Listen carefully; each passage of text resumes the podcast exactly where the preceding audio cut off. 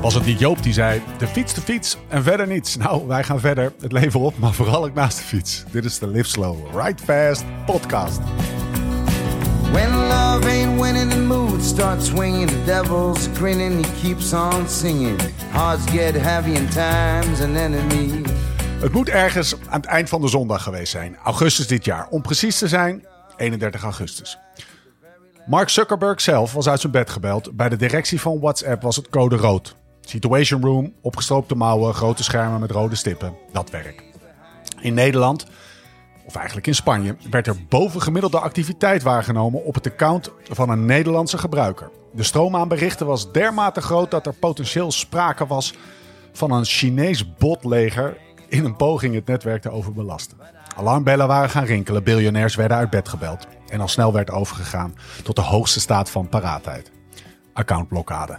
Een crisisteam werd samengesteld en al gauw was duidelijk dat het ging om een account van een wielrenner. Dat nader onderzoek wees uit dat het een succesvolle wielrenner betrof die ook nog eens bovengemiddeld gepresteerd had die dag. Hij had gewonnen, althans volgens de website waar hij werd genoemd, ergens rond Madrid in een wedstrijd die iets met Vuelta heette. Dat betekent rondje. Een rondje door Spanje, merkte een Spaans sprekende medewerker op. Een sprint. Hij had een sprint gewonnen. En inmiddels was duidelijk dat het niet de enige overwinning was. De renner had die ronde al twee keer eerder gewonnen. En dat hij daarnaast ook niet alleen een sprintklassement had gewonnen. De beste man was ook nog eens jarig. De hoeveelheid hartjes in de berichtenstroom wees maar op één ding volgens de medewerkers. Het moest een ongelooflijk geliefd man zijn. Nog nooit eerder was na een sportieve prestatie van welke atleet dan ook een berichtenstroom van deze proportie tot stand gekomen. De aap kwam uit de mouw. Het was die renner uit Heukelen, die na zijn valpartij weer terug was. Definitief terug. En hij was van ver gekomen. Een zucht van verlichting vulde de ruimte van de Situation Room. En het was Zuckerberg zelf die met een slaperig hoofd de boel weer terugbracht naar code groen. En het account weer op actief bracht. Niks aan de hand, al dus Mark. Het is het account van Fabio Jacobsen. Die gozer heeft een gunfactor van buitenaards niveau. Kijk maar naar die kop. Die gun je de wereld toch? Het is de hoogste tijd voor je welverdiende Porsche wielergebabbel. Editie 2 van de Denia Tapes. Mijn naam is Steven Bolt. Tegenover mij zit hij, Laurens ten Dam. Nou, het is nu december, of nee, het is nu januari moet ik zeggen. Toen wij dit opnamen, het gesprek waar we zo meteen naar gaan luisteren, was het december. Kan je het gevoel van die Spaanse Costa nog een beetje boven water halen? Nou, als ik mijn ogen dicht doe, binnen een seconde is het weer terug hoor. Het was We zitten echt- weer een beetje in die kille mancave, maar eh, Het was goed weer, hè? het was goed weer. Dat huisje waar we zaten was top.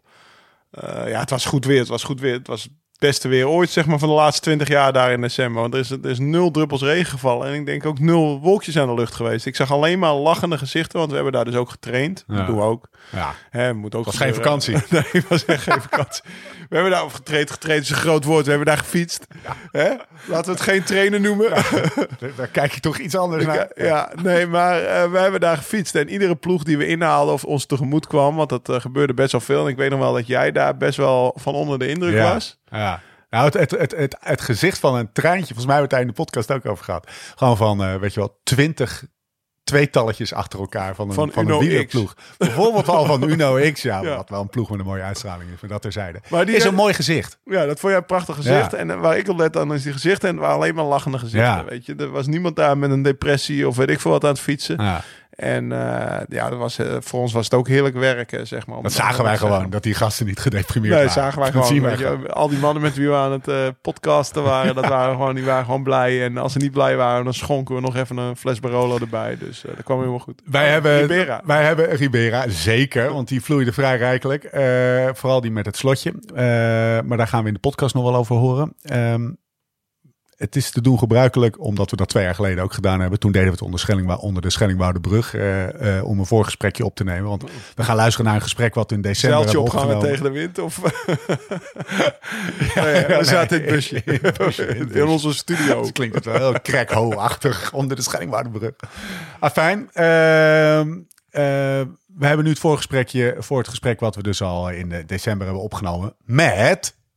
Ja, deze was met Fabio. Goed hè, Ja, wat een heerlijk. gesprek hè. Ja, een speciale jongen toch. We hebben een stukje al terug, teruggeluisterd en het was zo'n...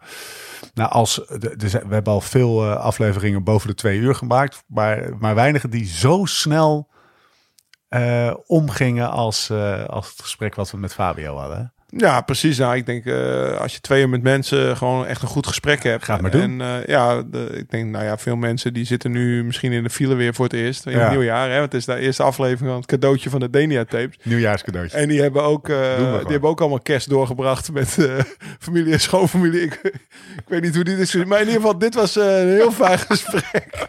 Ja. Uh, ik hoop niet dat mijn schoonpa luistert. Nee, En het was top. nee, maar het was een heel uh, fijn gesprek. En het ging binnen 10 minuten was het voorbij, ja. weet je wel. En dat, is, dat zijn de kenmerken van... Of, of, of voor ons gevoel binnen 10 minuten voorbij, moet ik zeggen. En dat zijn toch wel de kenmerken van, uh, van een goed gesprek. Hij zat lekker in zijn vel. Wat is het meest bijgebleven van het gesprek? Nou, Anekdotetje. Ja, ik heb het meest moeten lachen om, om het verhaal over arrivé aan den boten.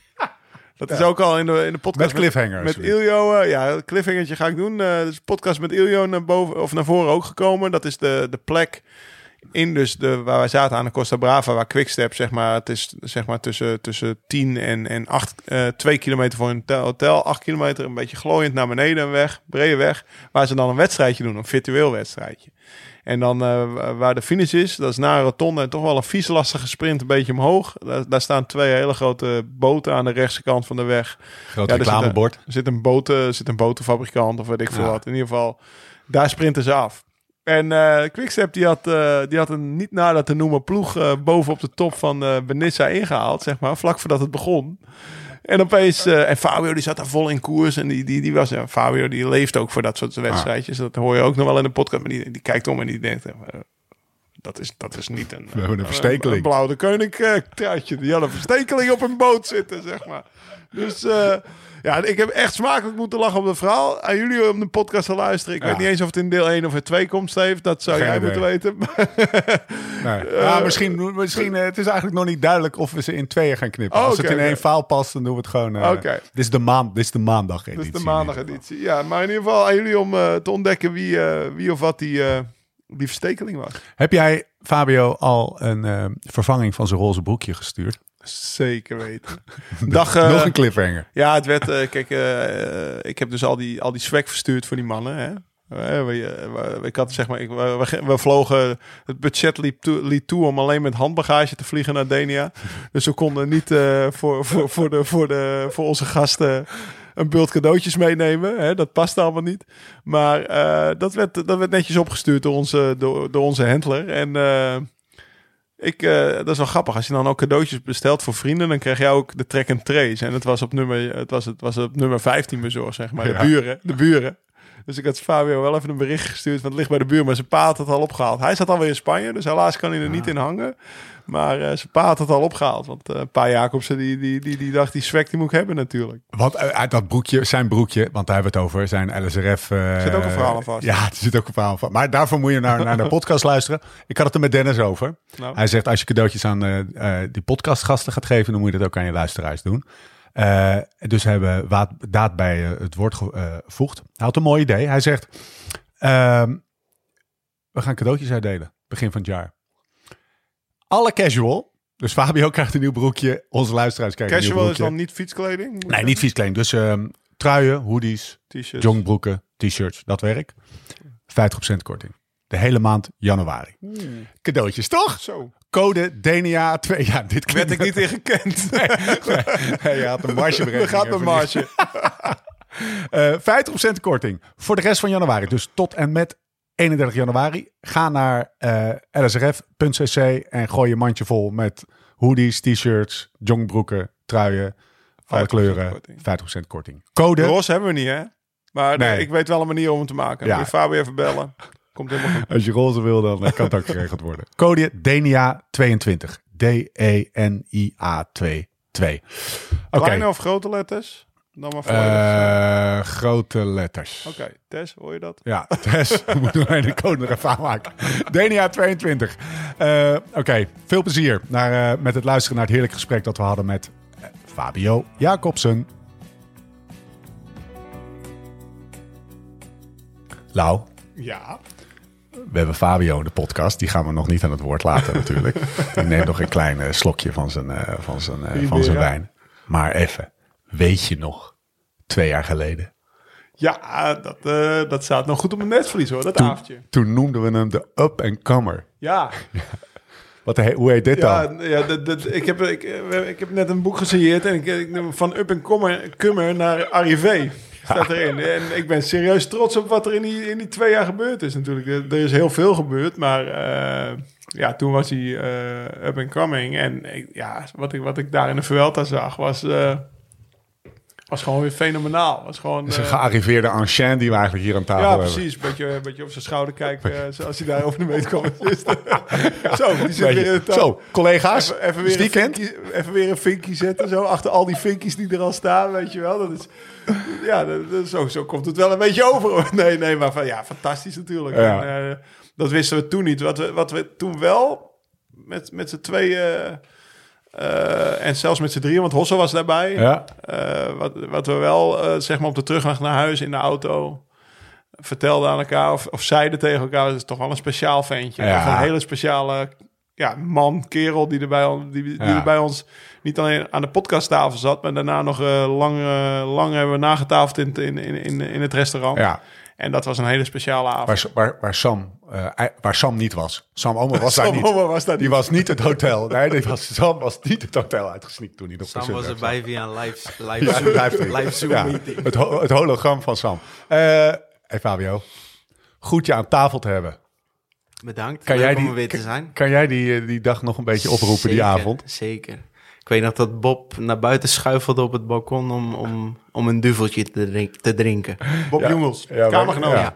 Wij kwamen toen binnen en toen schoten uh, Alaphilippe en Bob, die schoten toen nog even naar binnen. En ik weet nog dat die, toen jullie weggingen, althans de dag erna, kwamen we natuurlijk terug. Toen zei hij, "Eh, was wel gezellig hè, met die mannen. ik zei ja. Hij zei ja, klonk leuk. Want ja, die hebben natuurlijk die- alles gehoord. Ja, ja. Verstaan er niks van, maar hebben wel eh, het gesprek gehoord.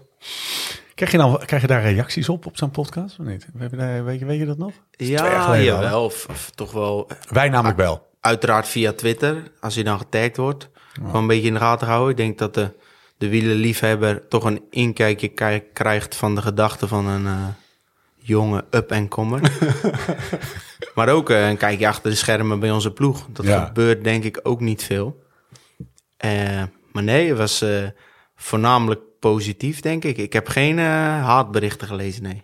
Wat, wat, wat, wat blijft, we refereren nog best wel vaak aan die... eh, was dat overigens de podcast Lau, dat Fabio zei... eh, beter worden, beter worden, beter worden. dat wij toen die podcaststream eh, zijn begonnen. Nee, ja, ik, heb, ik, ik, ik, ik, ik hoorde inderdaad vandaag van, ja, van, van- Oh ja, ja, het was van... nou, we, we hebben onze bronnen. Ik, ik ga ze niet prijsgeven, maar ik hoorde van iemand die, die zei dat, dat, dat Fabio dacht dat hij beter worden, beter worden bedacht had. En we hebben net een discussie in de auto hebben het beslecht. Hij zei, Lau, hoe lang denk je dat al? Hè? Beter worden, Ja. beter worden. En ik zei, nou, sinds Marijn Zeeman bij de ploeg kwam in... Nou ja, eind 2012 was dat dus, bij, bij Rabo. En toen was, het, toen, was het echt, toen was hij nog niet eens up. Nee, Dus met deze claim ik het gewoon, die uitspraak. Dat mag. Fabio, heel even, Nee, maar het heel kan- even rustig nog. Je mag zo, je mag zo. Nee, maar jij zegt het ook tegen jezelf. Eh, want ik zei Ik het altijd als ik, ik- als ik eh, aan het aan blokjes moest gaan doen... of eh, zeg maar een ijzeren bos training Ja. moest gaan doen... of Ja. gewoon een training waarvan ik wist van... oké, dat gaat pijn doen. Maar zeg maar over een paar maanden is de beloning. Want eh, die is er natuurlijk Ja. niet meteen. Hè, ik, ik denk vooral zo. Ja? Ehm, misschien dat ik het onbewust gestolen heb, maar beter goed gestolen dan eh, slecht verzonnen. Maar nee, eh, voor mij werkt het wielrennen wel zo. En ja, ik, ik zeg het misschien met andere woorden van eh, hier word ik beter van. Of dit is nodig, want ik wil winnen. Ehm, maar ja, be- beter worden. En ik weet nog in dat WhatsApp-gesprek dat ik dat naar jou stuurde. Toen vertelde ik dat niet omdat ik wist van de reeks of van de serie, maar gewoon omdat ik dat ook Ja, ja, wij stuurde beter worden. Stuurde naar mij. Maar dat is ook... eh, want we hebben vandaag eh, gepraat met, met, eh, met, met iemand die zeer dicht bij Fabio staat. Over, over Fabio. Maar als ik... eh, en, en ook over dat gesprek wat we twee jaar terug hadden. Ook Maar- vooral in dat restaurant. Nee, maar eh, sorry hoor, Ja. maar het lijkt nou alsof er twee journalisten zijn die onze ja, bronnen nee, ja, dan gaan we Nee, doen. Dat mag, We hebben Berkhoutje, Berkhout gebeld. Ja, Ilko, ja. ken ik ja. van vroeger. Heb ik nog criteriums mee gereden. Full disclosure. Dus, Ma- eh, mijn, mijn manager. Ja, ja, manager. Nee, maar eh, nou ja, die belde ik. Omdat eh, deze Denia-tapes eh, hebben we vier renners gedaan. Of vier Ja. renners eh, gepodcast. En eh, alle vier zijn, eh, komen ook uit de stal bij, Ja. bij de dus, dus dat monopolie, dat monopolie van de berghoutjes van Zeg, dat Ja. zijn de managers van Zeg, dat, dat is goed aan het uitrollen. Schoon, misschien kunnen we nog even de, de podcast laten sponsoren door uh, Zeg, Racing. ja. Ja, trek die poeplap maar. Nee, Ja, maar, ze maar hebben wel de beste Nederlandse renners, Ja. denk ik. ja, nou ja. Dus dan ook wel de Grote om ons, even te sponsoren. Ja, grote getalen, ja. Ja, hè? Klopt. Nee, maar serieus. Het is echt een... een eh, wie, was de, wie was de eerste ook weer? Vertelde Ilko? De, nou, de, eerste, de allereerste ooit voor Zeg is, is, is Jens Maurits geweest. Oh ja. Die is van 1980 ook, Ja. net zoals ik. En die- ik zat met Jens in de districtselectie van het Holland. En Eelco is denk ik, of Martijn, die zijn ook van rond die tijd. Misschien Ja. één of één jaar jonger. Maar die, die- ja, die koersten dus met ons bij de junioren. Koersten wij samen met die mannen. En toen, toen hebben ze Jens ooit van... eh, was, een- was een project hier even voor, voor, voor een Continental ploeg. En die zeiden, ja, wij vinden jou zo goed. Gaat het, Steve? Oké. Wij vinden jou zo goed. eh, wij, wij denken dat jij World kan worden. En, eh, uit, kan worden. En uiteindelijk heeft hij bij Green Edge ook getekend, zeg maar. En de tweede, Sebastian Langeveld. Ja. Eh, Was dat niet een schoolproject ook van die mannen? Oh, dat weet ik eigenlijk Volgens mij was het. Nou, zo'n opzet. zou En zijn een ze Ah, dan ja. Dat daarna verder? ja. ja, ik Dat ze vraag het vooral maar aan Eelco. eh, Maar sorry, ik ja. dacht dat het... onderneming moesten opstarten. En dat ze dat toen... Dat toen Of dat het met die insteek was. En zo hebben ze dat toen... Zijn ze dat binnen SEG, Sports Entertainment Group, be- begonnen. Want er was natuurlijk al een artiestenafdeling en een voetbalafdeling. En zij hebben nu hè, eh, het leveltje cycling eronder. En daar zit ik bij. Ja, maar zij waren, voordat ze bij SEG zaten, hadden ze hun eigen cycling ding. Ja. En ze, ze zijn bij SEG meegegaan. Maar wat, wat Ilko mij dus vertelde Ja. over... eh, nou ja, we, we zijn dus alle... We zijn niet alleen Fabio afgegaan, maar alle, alle, alle, alle mannen van, de, van, van hun in de podcast. En wat mij ook... Wat, wat ons ook zo opviel twee jaar terug. Hij vraagt... Hij wil leren... Hij, eh, hij neemt in zich op als een soort spons, weet je wel. En hij, en hij knijpt even net zo hard ook even er weer uit als hij denkt van... nou, Lau, dat is onzin. dat, dat volg ik even niet. Hè, dan, knijpt, dan geeft hij even zelf ook een knijpje in die spons. Maar, maar hij, hij wil wel graag leren en nou ja, beter worden. Ja. Alles wordt gebruikt om... eh, eh, we hadden het erover, we kregen het over het boek van Thomas Dekker. Thomas Dekker. Ja. Nou, dat is natuurlijk best wel een controversieel boek. Ja. En uh, menigeen uh, heeft het dan over het handdoekje van Steven... Ja. wat naar Thomas wordt gegooid. Maar, maar deze gast hier, die kijkt naar...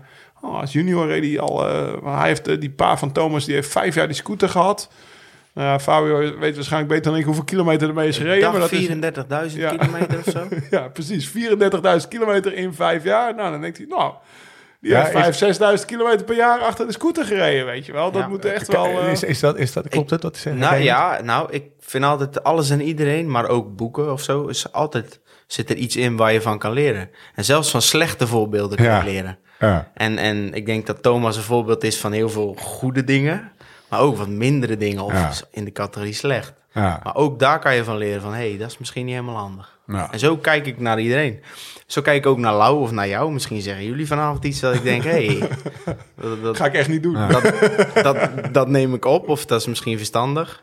Zonder dat je er helemaal van moet doordraaien. Maar Ja. ik kan van iedereen iets leren, denk Ja. ik. Wat, eh, over eh, dingen leren gesproken. Eh, misschien kan onze sommelier even met een mooie Franse tongval, of Spaanse tongval, vertellen wat hij op tafel heeft staan. Ja, bij de Denia tapes, dan, ga- dan stappen we Ja. over van, eh, Ja. van Italiaans stappen we over naar Spaans. We zijn helemaal Spaans deze dagen. Ja. Ja, we gaan helemaal naar, naar, naar, naar, naar Spanje. En eh, Ribera de Duero, een eh, rivier ergens in het noorden van Spanje, zeg maar een, een dal. Ja. Favoriete wijnstreek van eh Fitte Peters. Serieus? Ja. Oh, dan moeten we De nog... man, de man die, eh, die ook in roze LSRF-broekjes eh handelt. Kan het verhaal even vertellen? Dat vind ik een mooi verhaal. Ja, ik ging net hier zitten en je zegt, Ja. Lau, dat broekje wat ik van jullie gekregen had. Ja, was een mooi grijs, eh, ja, wat zou ik noemen? Het is meer een soort chillbroek. Ja. Ik vind het echt lekker voor op de bank. En ik ben te gast geweest in een, eh, in een vakantiehuisje hier in Kalpen van Fitte. Fitte Peters. Wilfried Peters voor de mensen die Fitte niet kennen. Samen met de Loren. eh, ten tijde dat ik nog geen tanden had, maar wel weer in opbouw was Je na, de- na het seizoen. Eh, zelfde periode als het huwelijksaanzoek, ook hier in Oké. Kalpen. Ehm, In en toen hebben we, broekje. Nee, nee. Ja, ja. eh, Toen hebben we gebruik gemaakt van Fittes huis. En er waren handdoeken en eh, wit, grijs. Maar één dag had ik een rode handdoek te pakken na het douchen. En ja, ik ben een jongen, dus ik stop het meeste waarvan ik denk, nou ja, als de kleur daarvan verpest wordt, maakt niet uit, stop ik in één, in één wasje. En die rode handdoek die gaf nogal af. Dus er zaten wat zwarte dingen bij, daar zie je niks van. Alleen ja, dat grijze broekje was ineens roze geworden. Roze-grijs. dus dat is nu een... G- Maar staat hij goed? Want anders maakt Hossel, Ja, nee, anders maakt Hossel zeker. gewoon een hele batch roze broekjes. Fabio Jacobsen lijn. Ja. ik, nee, ik, ik durf het te je hem dragen. hebben? Kijk, Nicky zou zeggen, dat moet je durven dragen. En eh, ik moet denken aan de Giro dan. Dat zegt Nicky echt, hè? Moet je durven Ja, dat moet je durven Zegt hij eigenlijk, zeg je ik ook loopt- als ik achter hem met zo'n rode broek rijd. Hard hoor. Ja, nee. Er wordt met scherp gesnoten, geschoten. En, en dus, om Fitte toen te Ja. bedanken dat we gebruik hebben mogen maken van zijn, hè, zijn onderkomen. Dat is zijn, eigenlijk zijn privéhuis. Eh, ook een aantal flessen van de Ribera. Ribera del Duero. Omdat ik zo via via te weten kwam dat hij dat een goede streek vindt. Mooi man. Dat is nou de laatste twee podcasts. Is hij allebei de keren naar voren gekomen, Fiete. Ja. Peters. Misschien is het teken. Ja, ja dat is een Moeten teken. keer- Moeten we een keer met een doos Ribera's langs gaan. Ja, Ah, is langs zijn moeilijk, huis. moeilijk te verstaan hoor. Wat heeft hij voor huis? Moeilijk te verstaan. Oh, dat- Over is huis. het zo- nee, ja, dit. Een Ja? soort, het zijn er twee naast elkaar en de ene verhuurt hij en de andere is van hemzelf. Ah ja. En die heeft hij 20, 25 jaar geleden aangeschaft. Oké. Ik geloof een van zijn betere investeringen. Ja, ik kan me wel eens van voorstellen. Nee, het is een mooi huis. Het zit, zit net achter Kalpen tegen de berg op. Maar ja, het is officieel nog Kalpen. Hey, en dat, dat eh, zegt hij, joh, eh, gozer. eh, pak lekker even. Wordt aangeboden, ja. Ja? Ja, en ja, we- dat is handig. Het was ook toen ten tijde van COVID natuurlijk. Ja. Dus niet alles was beschikbaar voor te huren. Dus toen heb ik gevraagd, Fit, mogen we dan en dan in jouw huis? Ja, geen probleem. En over de prijs worden we het wel eens. En nou ja, je kent het wel. Uiteindelijk eh, Ribera's. niet, niet, niet, betaalt in ja, Ribera's. niet veel voor te betalen. Nee. En Dat hoeft helemaal niet. Maar eh, hij was blij en we hebben het keurig netjes achtergelaten, uiteraard. Ehm, nee, en het was een super mooie periode achteraf. Drie weken samen met mijn vriendin goed gefietst en eh, opgebouwd richting het seizoen. Hey, en eh, als we toch even het hoofdstukje story eh, party... Ja, doe maar. Dat mag. Dat mag. ten huwelijk gevraagd. Wat was je gameplan, my Ma- friend? mijn, mijn plan was om, eh, om ergens een klim op te rijden samen. En dat zij dan achter mij rijdt. En eh, ik, heb er al, ze, ik weet dat ze er vreselijk hekel aan heeft als ik versnel. En ze moet dan lossen en dan wordt ze boos. En, want ik kan nooit normaal doen, zegt ze dan op de fiets. En dan om het bochtje, hè, als ze net gelost was, dan op mijn knieën te zitten. Maar toen kwamen mijn schoonvader en mijn zwager. Die kwamen ook nog met de auto naar Kalpen. Om die wilden ook een weekje fietsen. Dus toen veranderde het plan naar, ja Fabio, daarboven op die IFAG. Dat is ook wel een hele mooie foto. Dus toen probeerden we het plan een beetje om te gooien van... eh Zullen we daar niet naartoe gaan? En, en uiteindelijk kwam Delore er zelf mee van... Ja, ik wil daar wel naar boven. Ja, Fabio... Dat is waar je kan wandelen. Ja, dat is zeg maar de rots van De Kalpen. rots van Kalpen. Ah, ja. Het uitzicht lopen, over ja. de, de zee, maar Ja, ook het kan je niet fietsen, dan moet je omhoog lopen. Echt stappen. Ja, ja. Maar ik heb natuurlijk een hekel aan klimmen. En ook een hekel aan wandelen. Daarom ben ik Ja. wielrenner geworden. Dus ik vond dat wel mooi. Ik denk, nou, als ik dat dan doe, voor haar en dan daar op mijn knieën. Dedication. En er is ook een mooi filmpje van, want ze heeft natuurlijk niet door dat dat daar gebeurt. Dus ik sta te lachen met dat doosje voor mijn borst. En eh, zij staat nog te poseren hè, met haar hand in de zij en eh, de haren goed. En ik denk dat ze nou pas na tien tellen door had, wat gebeurt er nou? En ja, toen ging ik op mijn knieën en eh, toen zei ze gelukkig ja. Wauw. Ja. Goeie, goeie, Goeie- wielrennersaanzoek. Nou ja, en En wanneer, en wanneer, wanneer gaan jullie trouwen? Is er al een datum? Of Eh, volgend jaar oktober. Maar ik hoop dat het allemaal natuurlijk door mag gaan. Ja, ja, Want de mensen die nu een huwelijk hadden, die hadden ook wel verwacht dat Ja. de, de maatregelen voorbij zouden 30 zijn. man was het nu, of ja, of man Ja, in principe is de datum eind oktober volgend jaar. Alleen ja, het is, En je wil een groot feest even, Ja. daar komt het op neer. Toch? ja, ik wil wel iedereen van de ploeg uitnodigen. En, en alles en iedereen wat belangrijk is geweest in mijn leven. En eh het moet toch een soort feest zijn van, Ja. van liefde tussen ons, maar ook richting andere mensen. Ik wil niemand passeren. Heb jij de film The Wedding Crashers gezien, Lau? Wedding crashes. dat, zijn twee, dat zijn twee van die gasten. Die Ja. maken er een sport van gewoon onuitgenodigd op feestjes te komen. Nou ja, als ze met een envelopje komen, zijn ze welkom. Het is echt een enchère. Het is een enchère. Voor de mensen die, eh, Die denken, wie is die gozer? Eh, eh, nou, eh, dan zou ik als eerste willen zeggen, kom even onder die rots vandaan. Maar als je hem nog niet kent, dan gaan we je toch eens eventjes nog even goed introduceren. Fabio Jacobsen uit Heukelum, 31 augustus 1996. Ontsproten uit de schoot van SEC Racing Academy. Vanaf 2018 bij Quickstep, de Koning, Alpha Vinyl, Energetic, Omega Velma. Ik denk, pak ze er allemaal nog maar eens bij. Begon in 2016 met winnen. Etappe 2 in de ZLM Tour en is daar eigenlijk niet mee opgehouden. Won, slag om Norg. Mooi, Fabio. Ja. Ster van Zwolle, Nokere koersen. Ook mooi. Scheldepijs, Ronde van Maden. Pakte twee etappes in Valencia, Algarve, Turkije, Noorwegen, Binkbank, China. Maakte op 5 augustus de zwartste dag van zijn leven mee. Door die vreselijke valpartij in de etappe van de Ronde van Polen. Maar kwam terug. En hoe? 21 juli 2021, Wallonië. Om vervolgens ook in de Vuelta behoorlijk huis te houden. Welkom terug, Fabio Jacobsen. Hey, is dat echt waar dat jouw eh, WhatsApp was ontploft? Ja, serieus gebeurd. Te veel berichten eh, op, op een moment. En ja, in welke categorie ga je dan? Eh, bot of, of Ja. misschien online drugsdealer? Ik heb geen idee. Waar moet ik dan aan denken? Geen idee. Nee, maar ik echt vond het, ik, ik, ik, ik- On- en ik kon wel een aanvraag indienen om het account terug te krijgen. En dan moest ik aangeven waarvoor ik het account gebruik en eh, wie ik ben. En Ja. uitera- uiteraard, eh, ik geloof zelfs dat het met foto van paspoort was. nee joh. Oh Ja, echt gewoon. Oh, ja, want het is natuurlijk van Facebook nu. Ja. Dus Mark Zuckerberg zal er eh, naar gekeken hebben. Van, is, is dat die jongen wel? Oh, guys, het is Fabio. Het is Nee, maar ja, het is natuurlijk wel s ochtends mijn verjaardag. Dus al Ja. heel veel berichten gehad. Want ja, dat, iedereen weet dat ik... Iedereen die me feliciteert weet dat ik in de Vuelta ben. Dat je in het groen rijdt? Of En vervolgens al die mensen ook later op de dag nogmaals gefeliciteerd. Dus ja, toen ik die telefoon weer aanzette, ontplofte dat enorm. En blijkbaar is WhatsApp daar niet voor gemaakt. Live goals. En ik heb dat nummer overigens al vanaf mijn tiende. Nou weet iedereen die dit luistert natuurlijk van... hé, hey, hij is nog bereikbaar. maar ja, ik vind dat wel belangrijk. Want heel veel mensen die dat nummer hebben... daar heb ik een band mee gehad. Of heb ik een band mee. En eh, daar wil ik toch wel graag op reageren. Hoe- Soms duurt dat een paar dagen. Omdat de lijst lang is, jongens. Heel lang soms. Hij heeft met allemaal met blauwe vinkjes toch wel... Hij, hij heeft het gelezen. Hij heeft het gelezen. Blauwe vinkjes. Hij heeft het gelezen. Ja, maar ik heb het niet gelezen. Want ik heb het niet aangeklikt. Als ik het aanklik, reageer ik. Hey, maar wat... ehm, ehm, even kijken hoe ik dat formuleer. Maar realiseer je wel...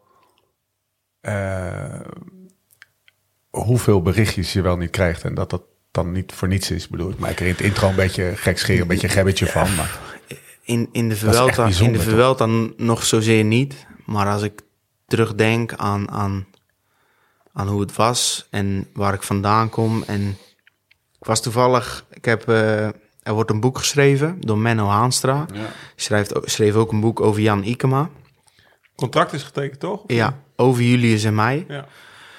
Omdat die Uitgeverij Julius. Julius en ons al volgt vanaf eerstejaarsbelofte. Het is een maat van Michiel Elijzen en... eh, Een van mijn favoriete onderdelen van de muur is dat. Ja, Ja. alleen eh, Menno is daarmee begonnen als eerstejaars, eh, toen wij eerstejaars waren, met het idee van, ja, wie weet wordt het wat, of wie weet wordt Ja. het niks. Nou ja, een aantal mooie verhalen. Hopelijk een van de twee, bij wijze van Ja, spreken. en de andere in de goot. Ja, Ja, ja. ja. D- dat voor het was verhaal. het. Dat, ja. je weet, want van, van alle jongens die pro- prof proberen te worden, mislukken er veel. Ja. Niet dat ze dan mislukken als mens, maar ze worden geen prof. Dus dat zijn dan twee mooie verhaallijnen. Alleen ja, wij worden allebei prof. Allebei wel als het ander type renner. Alleen ja, met mij gebeurt dan dat ik de val heb. En Julius wordt vader. Dat, dat is ook Ja. iets bijzonders. Wat, wat meespeelt binnen het leven. En we hebben het hele traject van belofte, of zelfs junior tot prof. Ja. En ik denk dat dat weinig beschreven is binnen het wielrennen. Ja, het is Er- echt- Er zijn niet heel veel verhalen van. Ik herinner me als de dag van gisteren, dat eerste verhaal volgens mij wat hij schrijft. Over dat, dat, dat die twee op trainingskamp zijn. Met want daar leer Julius ook kennen, denk ik. Hè? Als eerste Nou, ik jaar. kende jullie zo. Ja, van, de- van de koers kende je hem. Maar Ja, niet hij gewoon in de won, ploegmaat. hij won wat koersen en hij werd tweede op het NK achter Jurien Varkenvisser. Die werd toen Nederlands kampioen Dus bij je de kende hem van de koers. Maar Ik had hij- een beetje een hekel aan hem. Ja, was me, ja. Hij zat, hij zat bij Monkey Town, heette dat ja. toen. Oh, ja. Dat was de grootste club. Ja. En die reden allemaal samen. En toen dacht ik bij de junioren, ja, wat, hadden... eh, Moet je nou bij de Ja, terwijl bij, wij doen bij Quickstep net niet, zeggen. niet anders. Noord-Hollandse diknek, dacht hij. Maar toen had ik echt een hekel aan. Nee, ja, ge- niet, ik kende jullie dus niet, maar meer gewoon hoe die in de koers was. Maar toen kwa- kwamen jullie op, op, op, op, op, op het eerste trainingskamp, Ja. ja. zeggen. En daar was hij ook, Ja, die Menno. Menno en Michiel Alijzen dan. Dus de, Ja. de, de- een ploegleider, nog mijn ploegmaat geweest, maar toen nog een Ja. ploegleider bij SEG. En eh, ja, die liet daar jullie eh, bij wijze van spreken 's ochtends score doen. Dat Ja. Julius nog geen vijf seconden kon planken. Dat heb je volgens mij vorige keer verteld. Ja. En, en eh, je, zag, je zag daar al wel een beetje de verschillen in karakter tussen eh, bijvoorbeeld Fabio en Julius. Maar ze, ja, je ziet die verschillende karakters, die komen toch ook allebei. ja, maar we zijn samen begonnen. En eerst ben je concurrent. En dan kom je bij een ploeg waar je moet gaan samenwerken en allebei prof wil worden. En dan ineens, toch van dezelfde leeftijd, heb je dan een klik. Ja. Ondanks dat de persoonlijkheden niet helemaal hetzelfde zijn. Ik zou niet zeggen compleet tegenovergesteld. Want ik vind Julius wel op en top prof op zijn manier. Maar wel qua karakter toch anders. En eh, ja, dat wordt nou een heel mooi stuk. Maar wat ik wilde vertellen is, ik kreeg net... Men nog had het boek schrijven, het eerste hoofdstuk ter controle. Eh, en daar zit, het, begint gelijk eh, met de val. Want ja, daarvoor gaan mensen dat boek natuurlijk als, als eerst lezen. Dus dan krijg je de... Oh, ik weet niet of ik dat eigenlijk allemaal mag zeggen. maar ik was, onder, ik was onder de indruk van dat eerste hoofdstuk, Ja. laat ik zo zeggen. Oh, man. het, het, het, het raakt mij zo dat de tranen bij mij over de wangen rollen. Niet om mijn pijn, want ik, ik heb geen pijn gehad. Ik lag op de intensive care zonder met alle medicatie eh, Ja. waar je niks van voelt. Maar dat ik echt door de lijnen heen het, het voel van, van hem, hoe dat het voor hem geweest moet zijn, voor de mensen thuis. En, en ja, ik denk dat het, eh, dat het een heel mooi boek wordt met eh, een waar gebeurd verhaal. Dus ja. Kan je, kan je, kan je, kan je, eh, is er, was er een bepaald stukje waarbij je dat voelde? Of, dat, dat, of is het zijn manier van schrijven? Of, want ik herken het wel een beetje, geloof ik. Ja, hij, hij, hij, hij schrijft het gewoon goed op. Ik had ook samen met Delore contact over, want wij controleren dat stuk Ja. natuurlijk. Of er geen dingen net verkeerd staan. Gewoon details, niet Ja. de schrijfwijze. Maar we zeiden wel van ja, zo, zoals hij het omschrijft, zo voelde het ook voor ons. Ja. Want we hebben natuurlijk een, een stuk in de krant gedaan en een stuk in de helden. En dan wordt er echt wel omschreven van hoe en wat. Maar hier zit veel meer nog dat gevoel in wat we hadden. Hè? Een stukje paniek en de angst. En ja, als je natuurlijk een hoofdstuk schrijft in een boek, is Ja. veel gedetailleerder en omslachtiger dan, dan een, een, een Interview. interview voor krantenstuk. En eh, ik moet zeggen, daar, ja, Menno steekt daar zijn tijd in en wij willen daaraan meewerken. Eh, omdat we het dan ook door het verhaal te vertellen ook er een beetje vanaf zijn. Ja. Want het is natuurlijk uiteindelijk wel een trauma voor iedereen. Ja. Ben je daar al klaar mee? Goh, Om erover te nee, lullen? Ja, wel. Nee. nee. Eerlijk, ik, ik, ik, ik vertel erover aan wie ik, erover, aan wie ik wil Ja. vertellen. En als ze met goede vragen komen en ik denk aan de andere kant snappen ze het. Of als, ja, als ze zich er echt in willen verdiepen. Niet zo van, oh, was wel lastig hè, en heb je een hoop pijn gehad. En denk ja, Maar de... ben je, ge, ben je eh, heb je veel pijn gehad? Ben je, wees, wees je getroost met het eh, feit, want ik heb er wel lang over nagedacht. Ik vind dat, wij, en Lau en ik hebben het ook Ja. over gehad in de auto nog daar straks. Ja, iedereen heeft al die vragen natuurlijk allemaal gesteld. Wij zaten bij Wout en daar hebben we ook niet over Mathieu versus Wout. Omdat het, we hebben alles wel een beetje gelezen wat die gasten erover te Ja. zeggen hebben. Maar er zit hier nog wat anders. Hier zit ook dat, ik weet het moment nog, ik weet. We Ja. waren in Ja. Italië. Het heeft vooral, ja, dit klinkt natuurlijk Tuurlijk. echt volkomen als een soort van uh, wel, Nee, ja, maar ik boter geloof- op je hoofd. Maar Nee, maar ik geloof dat. dit is bijna door het. We hebben hier nou eindelijk eens een keer eh, of, aan tafel. Kunnen we het godverdomme eindelijk een keer over het hebben. Wij zijn ook geschrokken, Jacobsen. Weet je nog, Lau? Ja, Eh, we stonden op Italië. een- we stonden een soort Air- Airbnb in Ja. Italië. We waren bezig Ja. met, eh met de Aperol-tapes. Ja. Een punt is, dit, dit, dit, was, dit heeft ook eh, op zoveel mensen impact gehad. Dat weet ik. En, ja. en al die mensen hebben dat... Ik krijg er een beetje kippenvel van. Ja. Al die mensen hebben dat ook tegen mij verteld. En ik vraag ook altijd van... Hoe was dat voor jullie? Ja, Want voor mij was het Ja. een zwarte vlek. ja, Ik ben op een kilometer van de streep... Weet ik het niet meer. nee, En ik word wakker in een ziekenhuisbed. ja, Maar daar zitten drie, bijna vier hele dagen tussen. Dus dat is voor andere mensen, Ja. zeker de mensen om me heen. En eerst zijn het mijn ouders en mijn vriendin. En dan komt het tweede ringetje met vrienden en kennissen en dan een andere familie. Voor hun is dat het, het eerste weerzien en die beginnen dat te vertellen. En na vijf of zes keer wist ik wel hoe ik ermee om moet Ja. gaan. Dus als jullie dan vertellen, ik weet nog waar ik was, zeg ik ja, hoe, hoe, hoe voelde dat dan? Want dat moet wel, je- ja, je- dat pak je en je, je voelt je ook wel kwetsbaar, denk ik. Althans, ik merk aan andere mensen dat ze dan denken, shit, leven kan zo voorbij zijn. Ja. Dat zit ook dat zit in niveau, maar dat zit ook gewoon in hoe jij dat. eh, hoe jij erop. Dit antwoord bijvoorbeeld, wat je nu geeft, dat is alweer. Hè, het is een exemplarisch, eh, exemplarisch gevalletje Fabio Jacobs, vind je niet? Nou, het is, het is eh, die jongen die twee jaar terug, zeg maar, bij ons eh, de podcast deed, maar ook aan tafel zat bij het avondeten. Ja. Ehm, Kritische vragen komen overigens nog. ja, die gaan nog gewoon. Nee, maar die, die zelf. Roosteren, maar, die, roosteren. heel graag. maar, die, maar die jongen, die, eh, ik ben met Nicky naar Fabio gefietst. Ja. Na een paar maanden, eh, denk na je valpartij. Was een hel, hel op de terugweg trouwens. Nicky die had zijn brommer aan, wind tegen, regen. God, ik zat er net nog aan te denken toen ik tegenover. Maar toen zag ik Fabio en in het begin schrok ik. Tuurlijk schrik je in het begin. Als je, weet je, want je hebt foto's gezien misschien. Maar, maar ik zag eh, dus in het begin toen, die open, toen Fabio open deed. En dan schrok ik wel, maar Wat, hoezo dan? nou ja, eh, eh, hij, hij was wat kleiner geworden bij wijze van spreken, want je had wat minder eh, kracht. eh, ja. je, je- hoe lang heb je in het ziekenhuis gelegen? 73 kilo woog ik toen, 374 En kilo. nu? 10 kilo meer. Ja, dus, dus ja, dat, dat, dat zie je. Maar ik weet nog dat eh, ik was meteen. Ik, op een gegeven moment, we, we zaten aan de, aan de keukentafel bij, bij, bij Pa. Bij Pa. eh, en ik weet nog, jij, op een gegeven moment liep jij. Jij liep naar de bank toe om iets op te pakken. En ik zag gewoon de manier waarop je naar de bank liep en die spieren eh, op een of andere manier. Ik denk, god, het is nog steeds een bulletje. Of een Ja? bulletje, ja, nou ja, gewoon, ja dat, dat, dat, dat zag je. Een blokje. Een blokje. Ja. En ik weet ook nog, eh, want eh, nou, ja, eh, je hebt nu de tanden weer terug, maar die zaten, toen zat er één in. Ja, wou ik net zeggen. Er zit nu al een kilo Eén tanden één- weer in. hè? één- één hoektand had ik nog. Ja, Boven en onder. volgens mij eh, was je ver... Nou, in ieder geval, ik weet ja. nog dat je, dat Ja. je, je trok je bovenlip op en je liet zien wat er aan de hand was. Ja, No gêne. ja.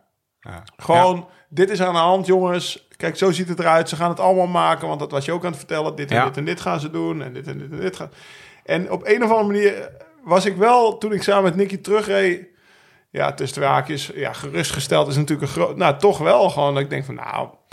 De, zeg maar ook eh, zijn kop, eh, eh, zijn spirit. Het was nog wel Ja. de oude Fabio, zeg maar. Qua, qua karakter, qua kop, qua spirit, qua hoe je praatte over...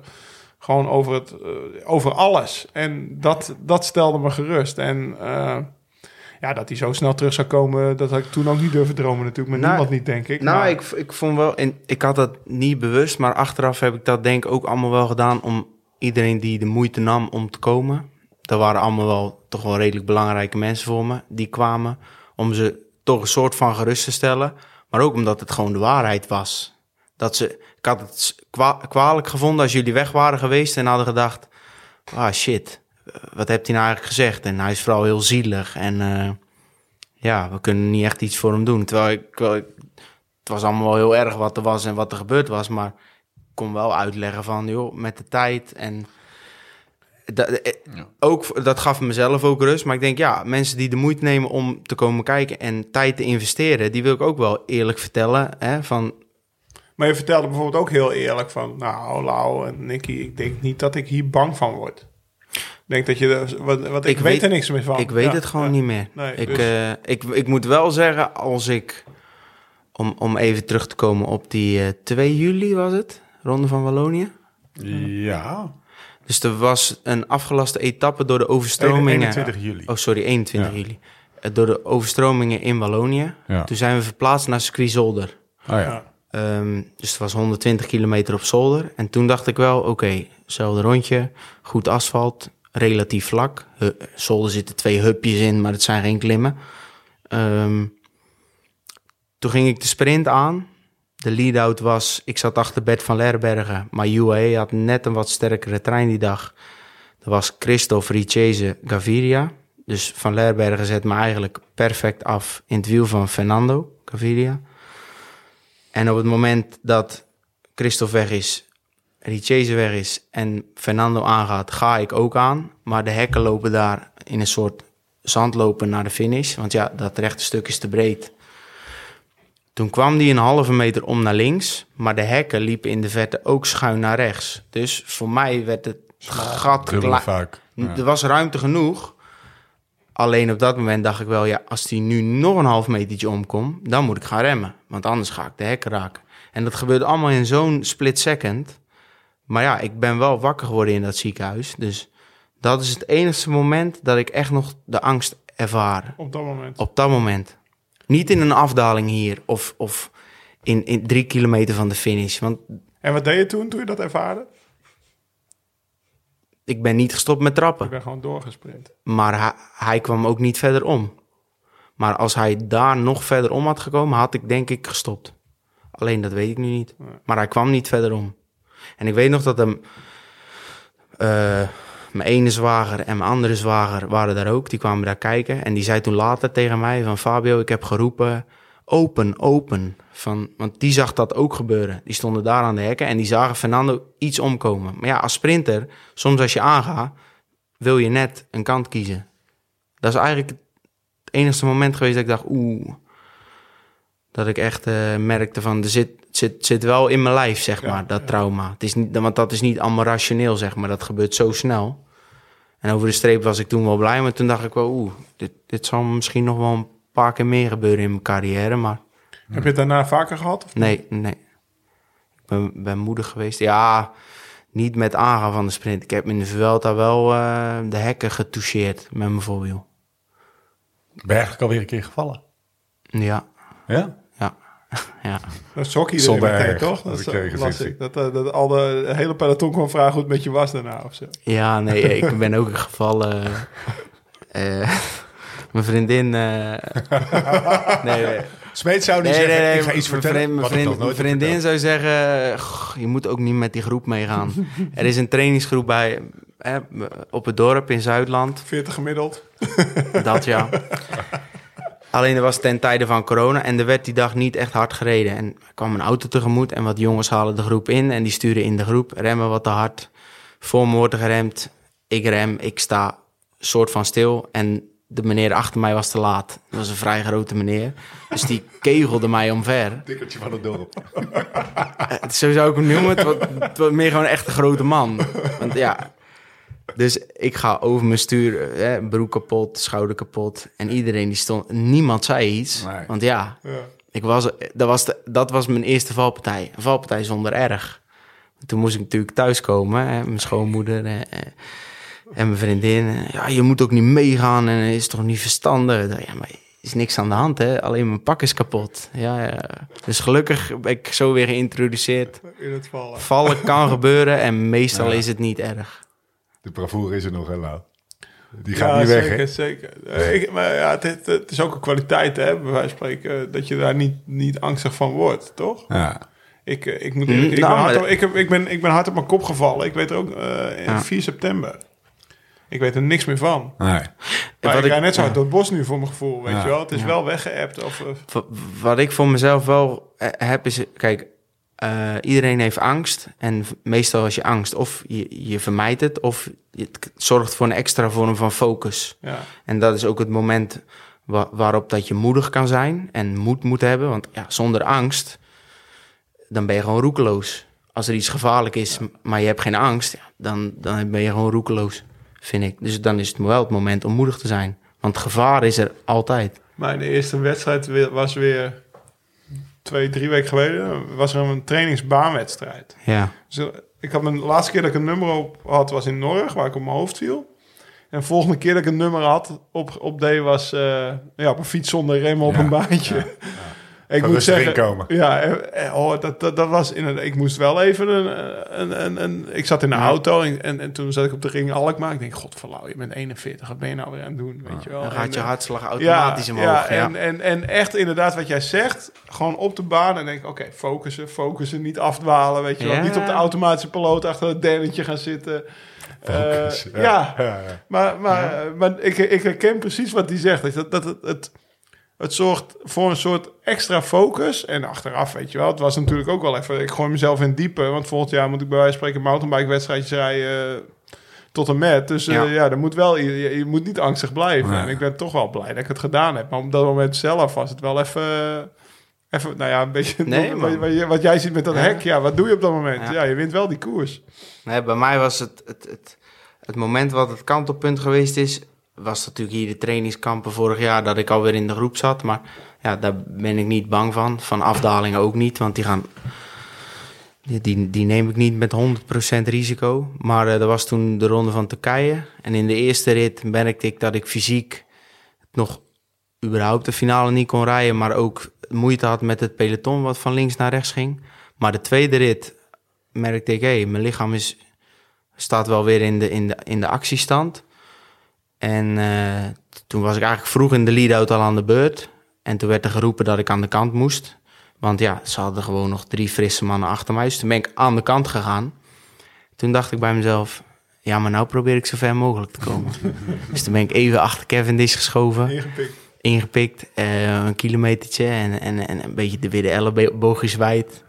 Eh, en, en toen heb ik me uiteindelijk wel weer verplaatst, want ik dacht, ja, ik wil ook de jongens die het wiel van Cavendish willen niet benadelen, want ik hoor hier nu nog niet. Dus toen heb ik weer een paar plekjes laten lopen. Maar ik wilde toch wel zien of dat hij ging winnen. Dus toen ben ik eigenlijk in het allergevaarlijkste plekje van het peloton. Dus ja, zoiets. Of 38ste. Of in, in ieder geval Bermuda op Triangle. 200 meter. Ik geloof dat ik nog mijn handen van mijn stuur deed om te kijken. Dat was ook niet handig. Maar hij won. En ik was bij de eerste 50 over de finish. En toen dacht ik wel van oké, als ik hier weer durf te rijden. Ja, bij Quickstep zitten we toch vaak voor de valpartijen. Ja. Dan moet ik straks, als ik weer het niveau heb om daar te zitten, moet ik dat wel weer kunnen. Is je lijf veranderd? Gewoon je, je voeten, je kuiten, je... Nee, denk het niet. Nee, pff, door de val wel. nee even niet Maar- cosmetisch heb ik het over. Eh, je spieren, je, je, nee, je nee, kont, nee, je nee. bovenbenen. Nee, nee, nee. Allemaal hetzelfde. Denk het wel. Ik denk dat als je de, mijn, hoofd, mijn hoofd eraf photoshopt, dat je niet veel anders Wat ziet. zegt Cor? Cor is de, de, de therapeut. Cor is, eh, als ik niet zo lenig was geweest, eh, en, en uiteraard als de doktoren in, in Polen niet zo hun best hadden gedaan, dan, dan had ik er niet meer geweest. Maar eh, ja, die, die eigenlijk niks. Die heeft het voornamelijk weer opgelost. Want er zijn weinig mensen die, die op die manier spieren kunnen manipuleren. Hè? En dan noemt hij het de tonus eraf halen. Dus echt de spanning eraf halen. En ze dan weer op de juiste plek op het skelet leggen. Eh, ook, hè, of zenuwen die iets wat bekneld zitten door een bepaalde dysfunctie. Eh, dat lost hij op. En, en na de val ben ik, goh, ik denk wel elke week, zeker elke twee weken bij hem geweest. En in het begin kon ik natuurlijk niks, want alles was blauw en stijf. En, maar zo stukje bij beetje heeft hij de boel losgemaakt en weer op zijn plek gezet. Eh, en als ik groen licht kreeg van de ploeg om weer te fietsen, ging ik het ook altijd eerst nog bij Cor vragen. Hè, wat vindt u verstandig? Nou, ik zou dit en dit doen. En dan ging ik het ook bij de ploeg Maar het is niet dat hij bijvoorbeeld op, op- op- in je linkerbil Nee. nu een strakke plek voelt Nee, van, nee, nou, die gaat nooit meer weg. Of, Nee. eh, dus dat is allemaal, eh Ja. nou, dat is wel, nou ja, voel, volle bak mogelijkheden weer. Ja, toch? en ook hè, van- Specialized, die doen natuurlijk de Retool Bike Fit. Ja. Dus die heb ik vorig jaar in december toen gedaan. Ik denk, ja, dat zal wel iets lager worden of iets anders of iets hoger met het stuur en lager met zadel. Maar die zeiden eigenlijk, ja, Je dacht Als dat je als een toerist moest gaan zitten. ja je weet het niet. Ja, om weer te wennen. dus even Zaal omlaag, stuur omhoog. Ja, Nog een spacertje erbij. Nee! ja, maar Maar dat hoeft er niet. Nee, ze zeiden we zien eigenlijk dezelfde getallen als, als één of twee of drie jaar daarvoor. Ik weet alleen dat ik van mijn linker schouder ja, wel wat last heb. Maar ja, dat heeft iedereen die wel eens een valpartij heeft gehad. En mijn rechterduim was gebroken en echt goed gebroken, zeg maar. Het kopje helemaal eraf. Dus er zit een schroef in en die voel ik nog wel eens, maar eh, het beperkt me niet op de fiets. In het dagelijks leven heb ik er meer last van dan op de fiets. Ehm, is je motivatie veranderd? Nee, nee. Maar mijn waardering wel. Wat betekent En, dat? eh, Wat bedoel je ermee? Nou, dat ik denk ik in, in, in, in één valpartij tien jaar wijzer ben geworden. Ja, Ja. Ja, en waar merk je dat aan dan? Wat, eh, gewoon, ik denk aan mijn manier van doen. Mijn, mijn oma had, eh, was geïnterviewd, ook voor het boek van Menno. En die had gezegd, eh, ja, ik weet niet of ik het mag zeggen. Het is misschien een beetje lelijk, maar... Hij is minder bedweterig. Vroeger had hij nog wel eens... Vroeger was een irritant mannetje. Vroeger had hij nog wel eens de neiging om, om, om, het, om, om veel te verbeteren. En ik denk dat ik dat nu wat minder doe. Ik neem alles wel wat serieuzer, maar dingen waar ik geen energie meer in wil stoppen, doe ik ook absoluut niet. Dan denk ik, ja, la, laat gaan joh, als iemand dat denkt. Dat is ook goed. Als dat jouw waarheid is en jij voelt je zo goed, goed. Probeer, ik, vroeger, vroeger ging ik nog wel eens vaker de confrontatie aan, omdat het mijn waarheid was, of de algemene waarheid. En nu denk ik, nou ja, daar kom je vanzelf wel achter. Hij heeft minder ruzie. Veel. nee, maar sinds dat ik gevallen ben, heb ik nog met niemand ruzie gemaakt. Holy shit. Zelfs niet met eh Groenewegen. Holy shit, hè? Is het iets... Be, be- be- dat, is gewoon, dat is gewoon over je heen gekomen? Ja, het is, Een soort rust. Bewust ja, of zo? het weet is je. gewoon. eh, het is allemaal zo kort en je, bent, je kan het zo snel kwijt zijn. Zo wil ik het leven niet uitstappen. En eh, het, is, het brengt me ook niks als ik er nu zo naar kijk.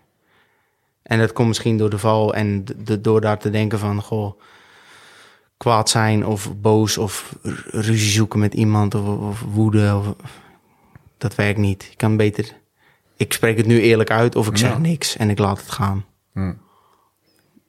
Dat is daardoor, dat, dat heb ik wel eh, gemerkt, ook aan mezelf.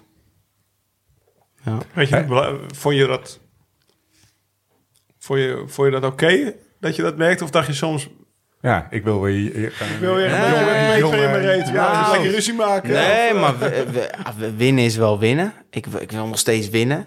En denk iedereen zich ook nog wel het, het voorval met Florian in, in, in de Vuelta kan herinneren. Dat ik over de streep kom. Ik ben me niet Ah, bewust Ah, ja. van dat de camera's zijn. Maar dan zeg ik, uitleggen, jullie dan in, zeg het- ik in het heet van de sprint. Nee, maar dan eh, zeg ik tegen hem, oh, ik, ik word gelost. Waardoor? Omdat op 3,5 kilometer schuiven Ja, in een bocht naar rechts Pitcock, Bernal en Trentin ertussen. Dat gebeurt wel eens in het gedring. Dus op 3,5 kilometer zit ik in positie 8. Met vier ploegmaten En drie anderen. en drie anderen ertussen. En ze weten, ze zeg ik dan, dus mijn ploegmaten, weten het eigenlijk te presteren om me eraf te rijden. Of dat het op de kant is of door de rotondes. In ieder geval, er werd niet naar me omgekeken. Zo voelt het voor mij. Wat hun verhaal is, moet je aan hun vragen. Maar als ik op 3,5 kilometer in positie 8 zit, hoef ik zo'n sprint niet te verliezen. Alleen in, het, in the heat of the moment vergeet Florian, denk ik, om te kijken. Ehm, en Bert ook, en Stevie ook, en Jenny, oké, die zat op kop te beuken. Vervolgens merk ik dat Pitcock en Bernal het wiel niet gaan houden, dus die passeer ik. Kom ik aan het wiel van Trentin, lopen de benen eigenlijk al vol. Wil ik die ook nog voorbij, merk ik, nee, vandaag gaat niet sprint worden. En zeg ik in het oortje, Florian, you do de sprint. Dus voor iedereen die dan zegt, hij is een slechte ploegmaat, hij wil eh, alleen mezelf winnen. Denk ja, wa- waarom zou ik dat anders zeggen? Dus ik zeg dat omdat ik merk van shit, gaat mij niet lukken. Ander plan. Nou ja, dan kom ik over de streep, zie ik hem, weet ik dat hij gewonnen heb, zeg ik, mate, congratulations. Hè? Uiteindelijk heeft hij mijn leven gered, dus we hebben een hele goede band. En ik zeg tegen hem, als je mijn lead-out wil zijn, moet je wel omkijken naar me. Anders werkt het niet. En dat is het enige wat er gezegd is. Nou, dan denk ik toch niet dat ik heel lelijk gedaan heb. Als groene truidrager. Je voelde je een beetje in de steek gelaten. Ik moment. voelde me daar Ja. op dat moment enorm... Ja, een beetje is een, Ah. een statement, zeg maar. Nou ja, we reden voor groen. En ik, Ja. natuurlijk ben ik enorm blij dat hij wint en hij zijn Vuelta rit wint. Maar Maar dit kwam je op kritiek te staan. nou ja, ik heb gemerkt dat, dat zo elke de dag erna in de interviews... Ik, Ja. Ik had toch niet het idee dat ik Nee. echt... Ik had toch niet Nee, gezegd, maar- hey, je bent een lul en ik hoef je nooit meer te zien. Nee, maar alleen- ik eventjes de kritiek op, eh, want ik weet het, eh, dit voorval nog. Dat was, eh, nou, lekkere, lekkere teammaat, hè? die, Tuurlijk. Jacobs. En, waren aard komt bovendrijven. Ja, en Florian is beter dan hem. Daarom wint hij de sprint. En dan denk ik, ja jongens, maar als, als ik toch daar aan het wiel zit. En overigens ook om Florian te verdedigen. Het is ook Florian zijn bedoeling niet om daar die wedstrijd te winnen. Die is alleen maar bezig met mij te lanceren. Alleen door de rotondes en, en, en door, hè, dat noemen ze dan denk ik de fog of war, maar dan op de fiets, vergeet hij één of twee keer om te kijken of dat ik er wel ben. Eigenlijk was Fabio daar bezig al met, nou ja, wat helemaal in het begin van deze podcast, beter worden, beter worden, beter worden. Daar leert Fabio zijn ploegmaats van... joh, als je een lead-out doet, moet je na iedere rotonde even omkijken. Maar zeker als de drie ploegmaten Ja. voor je zitten en je hebt eigenlijk alle controle. En dan zeg ik dat en dan is er ergens een, een journalist achter de schermen die met een GoPro op een stokje daar staat. Ja, dat zie ik natuurlijk niet, want ik kom streven. En nogmaals, ik heb hem gefeliciteerd. Daarna gaan we allebei omkleden, schone kleren aan. Ik moet voor de groene trui, hij voor de etappe. Ik zeg, ben blij voor je, echt blij. Vanavond s'avonds hebben we het gevierd en dan kom ik de dag daarna bij de start. En dan komen daar alle vragen over. Terwijl, is al, is al Ja. opgelost. Ja. Want Het was in die tent, zeg maar, dat jij eh droog zweethemd ja, het is gewoon een hele, is gewoon een hele bus. Ja, ja, Tuurlijk, of ja, is de gewoon- bus, ja. Het is direct opgelost. Maar, maar om even, ehm, ik weet niet meer hoe we hier precies op kwamen, maar Ja. eh, wa- waar ik vooral benieuwd naar ben, is raakt zo'n moment, wat toch eventjes, ja, eh, Tuurlijk. interview de volgende, raakt dat je nu Ja. anders of gewoon hetzelfde nog als daarvoor? Ik, ik wil winnen. En ik denk dat ik vroeger kon ik misschien een halve dag of, of, of langer echt kwaad zijn. Of tot de volgende rit. En nu als ik verlies, dan is het misschien vijf minuten of een kwartiertje. Balen. Ik ga niet met dingen gooien, maar... En dan probeer ik erachter te komen, waar is het misgegaan? En wat kunnen we beter doen? Soms kan je er niks aan doen, is het gewoon samenloop van omstandigheden. Maar dit was heel duidelijk voor mij. Ook Ja. daar over de streep. Maar wat zit, eh, ja, eh, ik zit nu naar te luisteren en ik denk, als je nou gewoon een uurtje gewacht had ermee. Ja, maar Lau, Dat, ja, maar de, want je zegt de eerste vijf minuten, de eerste tien minuten, maar dat is dus... Ja, wat, wat- ja, eh, wat Maar dan nog heb ik toch niks verkeerds gezegd. Nee, je hebt niks verkeerd Ik sta nu nog Nee. steeds achter die uitspraak. Ik, ik, ik, had, ik had nog veel, veel lelijkere... Maar je, dat ga je Nee, niet doen. het klopt wat je zegt. Eh, En ik weet- Jij wist ik- ook niet dat die camera daar stond. Nee. Nee, dat is het. En, en als het nu aan me gevraagd wordt, probeer ik nog steeds zo uit te leggen. En het is ook niet dat ik per se die etappe wil winnen, want ik had er al twee gewonnen. Maar we gingen, we met z'n allen, voor de groene trui. Daarom rijdt die trein daar. En dat was het plan. En ik baal dan ook, niet, niet alleen voor Florian, maar ik baal voor James Knox, die heel de dag op kop heb gereden. Ik baal voor Mauri van Zevenand, die zijn werk gedaan heeft. Voor Bajoli, die, die, die zijn deel van het werk opknapte. En als ploeg maken we een fout. Doordat, doordat ik die sprint niet win. En stel dat we de groene trui wel verliezen op 20 punten van Roglic. Dan denk je, verdomme, daar is misgegaan. Gelukkig is het achteraf niet zo. Maar op dat moment dacht ik, ja jongens, hier gaat iets mis. Ik wil graag dat er af en toe omgekeken wordt naar me. Ja, maar dat, dat, dat tekent de leider in hem, hè? Ja, toch?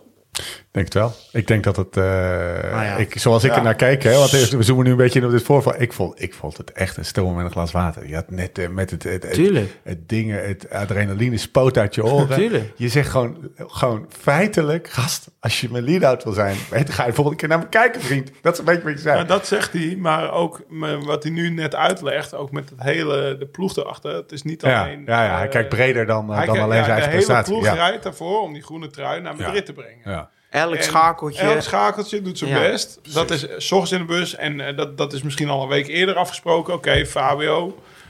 En eh, er was gewoon een concurrent die, die kort stond. Ja. Die ook eh, Ja. iedere bergrit dat hij Ja. geen kans heeft, punten pakt. Ja. Dus dan moet je iedere kans grijpen op het vlakke om zoveel mogelijk punten uit te lopen. Of, eh, Ja. of in ieder geval niet te ver achter te komen. Ja, eh, als je nog Madrid voor je hebt.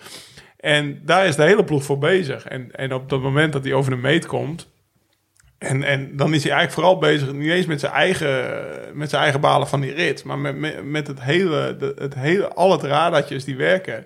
En die moeten, dan moet ook het radartje omkijken. Dat moet ook. Ja, wat- Uiteraard ook het persoonlijke, want Ja, ik wil winnen. Tuurlijk Ja. ben ik een winnaar. Maar onbewust ook misschien omdat ik dat weet dat, hij het voor mij doet. Ja. ja.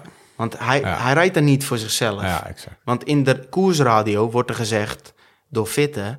Fabio Flat Tire, Fa- Florian, you do de sprint. Ah ja, dat was de Omdat analyse, ik zeg, van de- ja. Florian, you do de sprint. Ik ga niet zeggen, ja, ze rijden me er vanaf en wat een eh Nee. But eh, ploeg is. ja, Ik zeg gewoon alleen, omdat ik denk, ik kan niet meer sprinten. feitelijk wat er aan de hand Ja, is. En ik moet dat vertellen, want anders had hij waarschijnlijk een lead-out gedaan voor Trentin. Ja. Misschien. Ah, daar waren ze alleszins mee bezig. Heb je al... Oké, Ja, dat was hem. Heb je al... eh, lekker. Heb je, heb je al het gevoel... Hey, gast, ik ben eigenlijk wel, wel beter. Hetzelfde, hetzelfde niveau. Ja? Hetzelfde niveau. Kle- in- kleine, kleine, Ik was in de. Vuelta eh, qua basisniveau en ja, als we dan over wattages op omslagpunt, maar met name de lange bergetappes had ik wat meer moeite. Maar ik had, een ik had door de groene trui een betere ploeg om me heen, omdat nu echt iedereen bij me bleef. Vorig jaar was, of twee jaar geleden was dat vooral eigenlijk alleen Richese en Tim de Klerk, maar dat was voldoende. Ik had het idee dat ik toen gewoon wat beter was. Een, een, watt, Zeg of, maar, eh, een watt of 10, 15, 20 misschien. Je, je verteerde de rit eh, iets Ja. makkelijker. Toen zat ik, Heb je nu, heb je toen nu zat ik met afstappen? Of, nee, nee.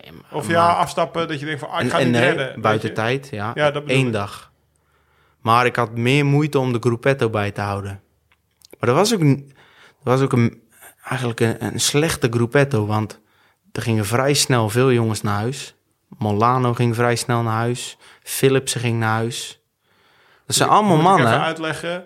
Oh ja, zeg maar voor leg de, uit. voor, voor ja. de, voor- ja, ik ben nooit sprinter geweest hoor. Maar, Schenk ik nog een beetje wijn bij, nee, ja? maar voor die, sprint, die sprinters, die hebben wel hun mannetjes. Maar, die, maar iedere, zeg maar, eh, Ramon, dat Ja, eh, nou ja, daar train ik regelmatig mee. En die, die, die vertelt mij aan het eind van een grote ronde altijd de verhalen uit de Gruppetto. Ik heb zelf ook eh, af, heel af en toe in die positie... ge- Ik heb één dag echt gedacht van, ik ben genaaid. Ik ga buiten tijd komen. Dat was echt geen lekker gevoel. Dat is gewoon... eh, ja, een beetje half nou ja, paniek, eh, paniek raakte ik gelukkig niet. Maar, Maar genaaid door iemand? Of, Nee, ik ben fucked? genaaid door mezelf. Ja, ik, ik, had slechte benen. Ik was een soort half ziek in de Tour. Ik werd gelust. Er was die rit die Geske won. Over, eh, die had ik zelfs nog verkend. Uh, Rizoul, denk ik, dat het heette daar.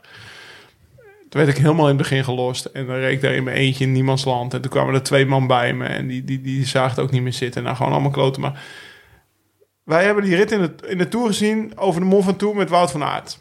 Ja, Nou ja, dan rijdt dus... eh, wij zitten daar eh, te lunchen. En Wout die zit in de kopgroep met Bouke en die ziet ons... en die geeft nog een knipoog bij wijze van spreken. Die roept nog op ons. En dan komt het hele peloton voorbij en dan komt Kev voorbij. Met, met, met eigenlijk drie, vier mannen om me heen. Wat, wat Fabio net Ja. zegt van... eh, nou, ik had, ik, ik had groen, dus heel de ploeg bleef bij mij. Of, of in ieder geval genoeg mannen Ja. om die tijdslimiet te halen. En dat was op dat moment dat wij aan het lunchen waren... was dat de laatste groep in koers. ja. Maar toen wij zeg maar de Van Toe opreden voor de eerste keer... Dat, dat was zo mooi om te zien. Zo'n strak tempo, die hele Ja. ploeg bij hem. Geen paniek, geen stress. Kev zat, Quickstep om Cavendish heen dus, hè? quickstep Ja. om Kev, Kev zat af te zien. Je ziet echt wel aan die kop en aan, aan zijn ogen... en aan zijn, eh, zijn rode wangetjes... dat hij echt... Die zat niet lekker, maar hij wist gewoon... joh, als ik bij deze gasten blijf, dan komt het goed. Ja. Even Weet voor de je? luisteraar. En- Dit- maar er waren dit veel- gaat dus echt niet in de slank, slakken gaan. Nee, nee, tuurlijk Dit niet. gaat tuurlijk niet. Ja, dit gaat knijterhard. Maar dan eh, op een gegeven moment heb je dus dan, die groep van, van Kev of de groep de Koning, die, die, die rijdt, die rijdt het tempo waarvan ze weten, nou wij gaan op tijd komen. Ja. En dan worden de renners vooraan, of nou niet voor, maar de, de, de gruppetto voor hun, Ja. worden gelost omdat ze het niet meer kunnen bijhouden. Dus die worden op een gegeven moment ingehaald door de groep Kev. En je ziet dat ze allemaal denken, oké, hier moet ik blij, bij blijven. Want als ik uit deze groep gelost word, dan ben ik echt genaaid. Dan, dan, dan, dan ben ik buiten tijd, ben ik aan mezelf aangewezen, ben ik aan mezelf Ja. overgeleverd. Een soort last En resort. dat, ja, dat is echt, dat is echt gewoon wat, wat, wat, wat, wat, ze in een, wat ze in een bergrit uitstralen. Voor alle jongens achteraan. ja. Als ik dat groepje van Fabio in de Vuelta, als ik daardoor word gelost, dan heb ik echt een probleem. Ja. Want dat groepje van Fabio gaat wel op tijd komen. Ik denk dat dat... eh, Eh, het, het, het is, eh, kijk, bergop kan ik op een gegeven moment gewoon niet harder.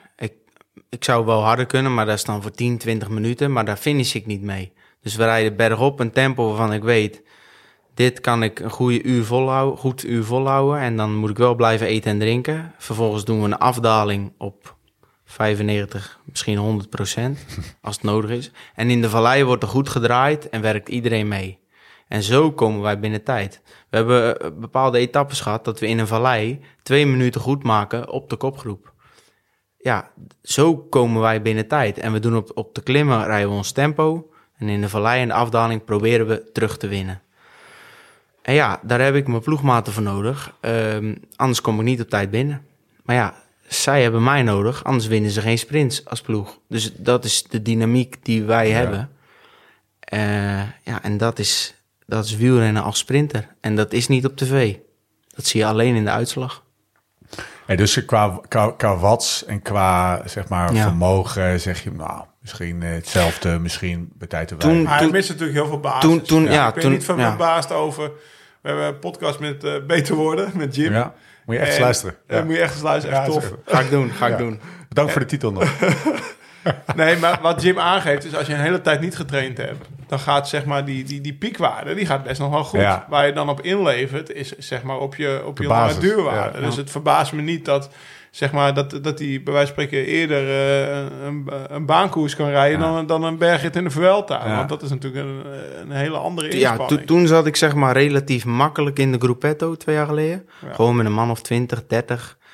Eigenlijk nooit in de problemen. En nu merkte ik, er waren wel wat minder sprinters, maar ik had ook meer moeite om zeg maar de, de gewone knecht bij te houden. Die zitten ook vaak in de gruppetto. Nu gewoon ze hier bij jou blijven. Nee, gewoon van een andere ploeg ook, zeg Nee. maar. Gewoon ja, de, de wat zwaardere, simpele... Of, ja, die zijn niet simpel, het zijn goede wielrenners. Maar twee jaar geleden kon ik die makkelijker bijhouden. Hadden we eerder een groep van 25, 30. En nu merkte ik dat ik wel eens uh, net met man of 10, 12... En dan is het toch moeilijker. Hoe. Alleen, ik, Ja? ik, ik won wel nu drie sprints. Dus ja, Vorige keer twee. de vorige keer twee. Dus leg het dan maar in de balans. En ik win nu de groene trui. Natuurlijk mede doordat ze de puntentelling iets aangepast hebben. Maar ik reed nu ook wel een stuk constanter dan toen die Vuelta. Het was nu twee keer tweede en drie Maar is dat niet voor jou altijd een balans van Al, ja. Ja, eh, hoe meer duurtraining je doet, hoe, hoe trager je sprint. Maar Ja. hoe beter je aan de finish komt, bij wijze van spreken. ja.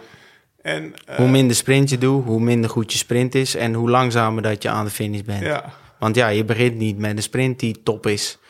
Maar ja, Dus wordt die wel slechter altijd, door... Altijd de- balans zoeken. Ja, Kies je soms bewust voor je sprint dat je denkt, joh, ik train wel wat minder, maar iets meer sprintjes. Ja, dat doet, dat doet mijn trainer, dat doe ik zelf ook. Ah, we onderhouden de sprint altijd wel. En het kan zijn dat je voor een bepaalde periode de duur iets laat zakken. En dan wat meer focus legt op het eh, HIT, heet dat dan, High Intensity Training en de sprint.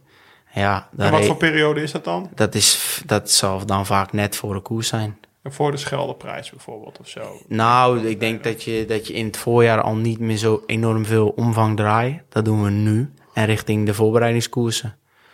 Volgens mij is het, zoals ik het goed begrijp, voornamelijk opgebouwd uit eerst veel omvang met alle oefeningen. En dan ga je meer rusten. En je behoudt hè, de, de, de sprint en de, de high intensity. Maar je rust ook goed uit. En dat leg je dan in koersen. Ik weet, ja, maar dan moet je bij gym zijn voor het Voor, beter ja, worden. ik wou net zeggen. Ja, voordat te kijken voordat- hoe een, een, hoe een, hoe een top Zo kijk ik ernaar. Ik, ik train Nou, heel anders. je, zei, je zei het net in de auto heel mooi. Ja. Toen zei je, ja, het zijn eigenlijk drie, vier, vijf Nee, dimensies. v- v- vier, v- vier zou ik het noemen. Je, ja? hebt, je hebt kracht, zetten we die eh, links. Dan Ja. heb je souplesse, die zet je bovenin. Dan heb je snelheid, die zetten we onderin. En dan heb je rechts duurvermogen. En, en je gaat zoeken, want je hebt klimmen, hè, bergop, dat is vaak lang en kracht. Dus dan moet je daar de balans in zoeken. Lauw. Ja. Vuelta is veel steile, steile lange klimmen. Ja. Maar dan heb je ook snelheid en souplesse. En dat staat eigenlijk haaks op die andere twee. Juri Havik.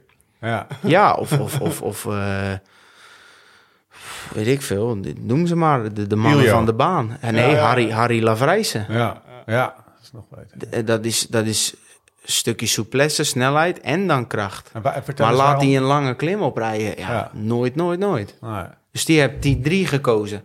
Alleen wij zoeken een puntje ergens in het midden. Ja. Want je kan super sterk zijn en een enorm duurvermogen hebben. Maar daar ga je ook niet snel mee zijn. Nee. Maar het is dus continu zoeken naar waar jouw optimale puntje ligt en hoe ver je daar op welke Ja. dimensie vanaf en zit. gelukkig hebben ze daar bij onze ploeg heel veel verstand van. Ja? Bovengemiddeld, bovengemiddeld veel. Nou ja, ik ben begonnen bij onze ploeg. En dat heb ik denk ik toen ook gezegd in de vorige podcast. Eh, het eerste jaar was voor mij gelijk raak. Dus dan hoef je niet veel te veranderen. Ja. Dan moet je gewoon af en toe iets meer en sterker worden. En bij ons zeggen ze dan, je moet een grote ronde rijden, want daar word je sterk van. Ja. Maar het is, dit is natuurlijk die opbouw vanaf november tot de voorbereidingskoersen. Ze weten wat ze moeten doen. We veranderen ook niet veel. Het is niet elk jaar van, dit is het helemaal, dat moet je doen. Nee, het is elk jaar, lijkt het op elkaar. Ja, we gaan zo meteen door met alle mooie verhalen van Fabio. Maar eerst een berichtje van onze vrienden van Futurum Shop. Want dat mag dan wel hartje winter zijn. Voor je het weet is het weer voorjaar. Ben je al aan het trainen voor die trip met vrienden? Of ben je op zoek naar iets nieuws? Of heeft je fiets een beetje liefde nodig om uit haar winterslaap te ontwaken? Je raadt het al. Bij Futurum Shop ben je aan het goede adres. Niet alleen als je op de weg fietst, maar ook voor al je gravel, mountainbike en bikepack spullen. Eigenlijk wat je maar nodig hebt. Futurum Shop heeft het. Altijd gratis bezorgd en voor 11 uur besteld de volgende dag binnen. En neem meteen even een kijkje op futurumshop.nl slash liveslowridefast. Daar vind je onze favoriete spullen. Handig bij elkaar. Van pro-tassen tot GRX spullen. Van kwakzalver smeersels tot 4-eye power meters. Zeker even checken dus. En als klap op de vuurpijl, luisteraars van de podcast krijgen bij een bestelling vanaf 75 euro en tot en met 31 januari direct 10 euro korting op het hele assortiment. Gebruik hiervoor de code podcast. Ga dus naar futurumshop.nl slash liveslowridefast en gebruik de code podcast voor een mooie korting. Door met de show, door met Fabio. Ja, maar er zit wel verandering in. Of Iets, verandert er wel maar iets? niet veel. Nee, maar niet de, de Echt grootste geen- dingen. nee. Ik, ik, Nee? ik heb, ik heb dat stuk teruggelezen, dat boek van Nando, Ja. eh, beroep wielrennen, waarin ik zelf ook zeg, nou mijn trainer zegt al zeven jaar hetzelfde. Of hetzelfde.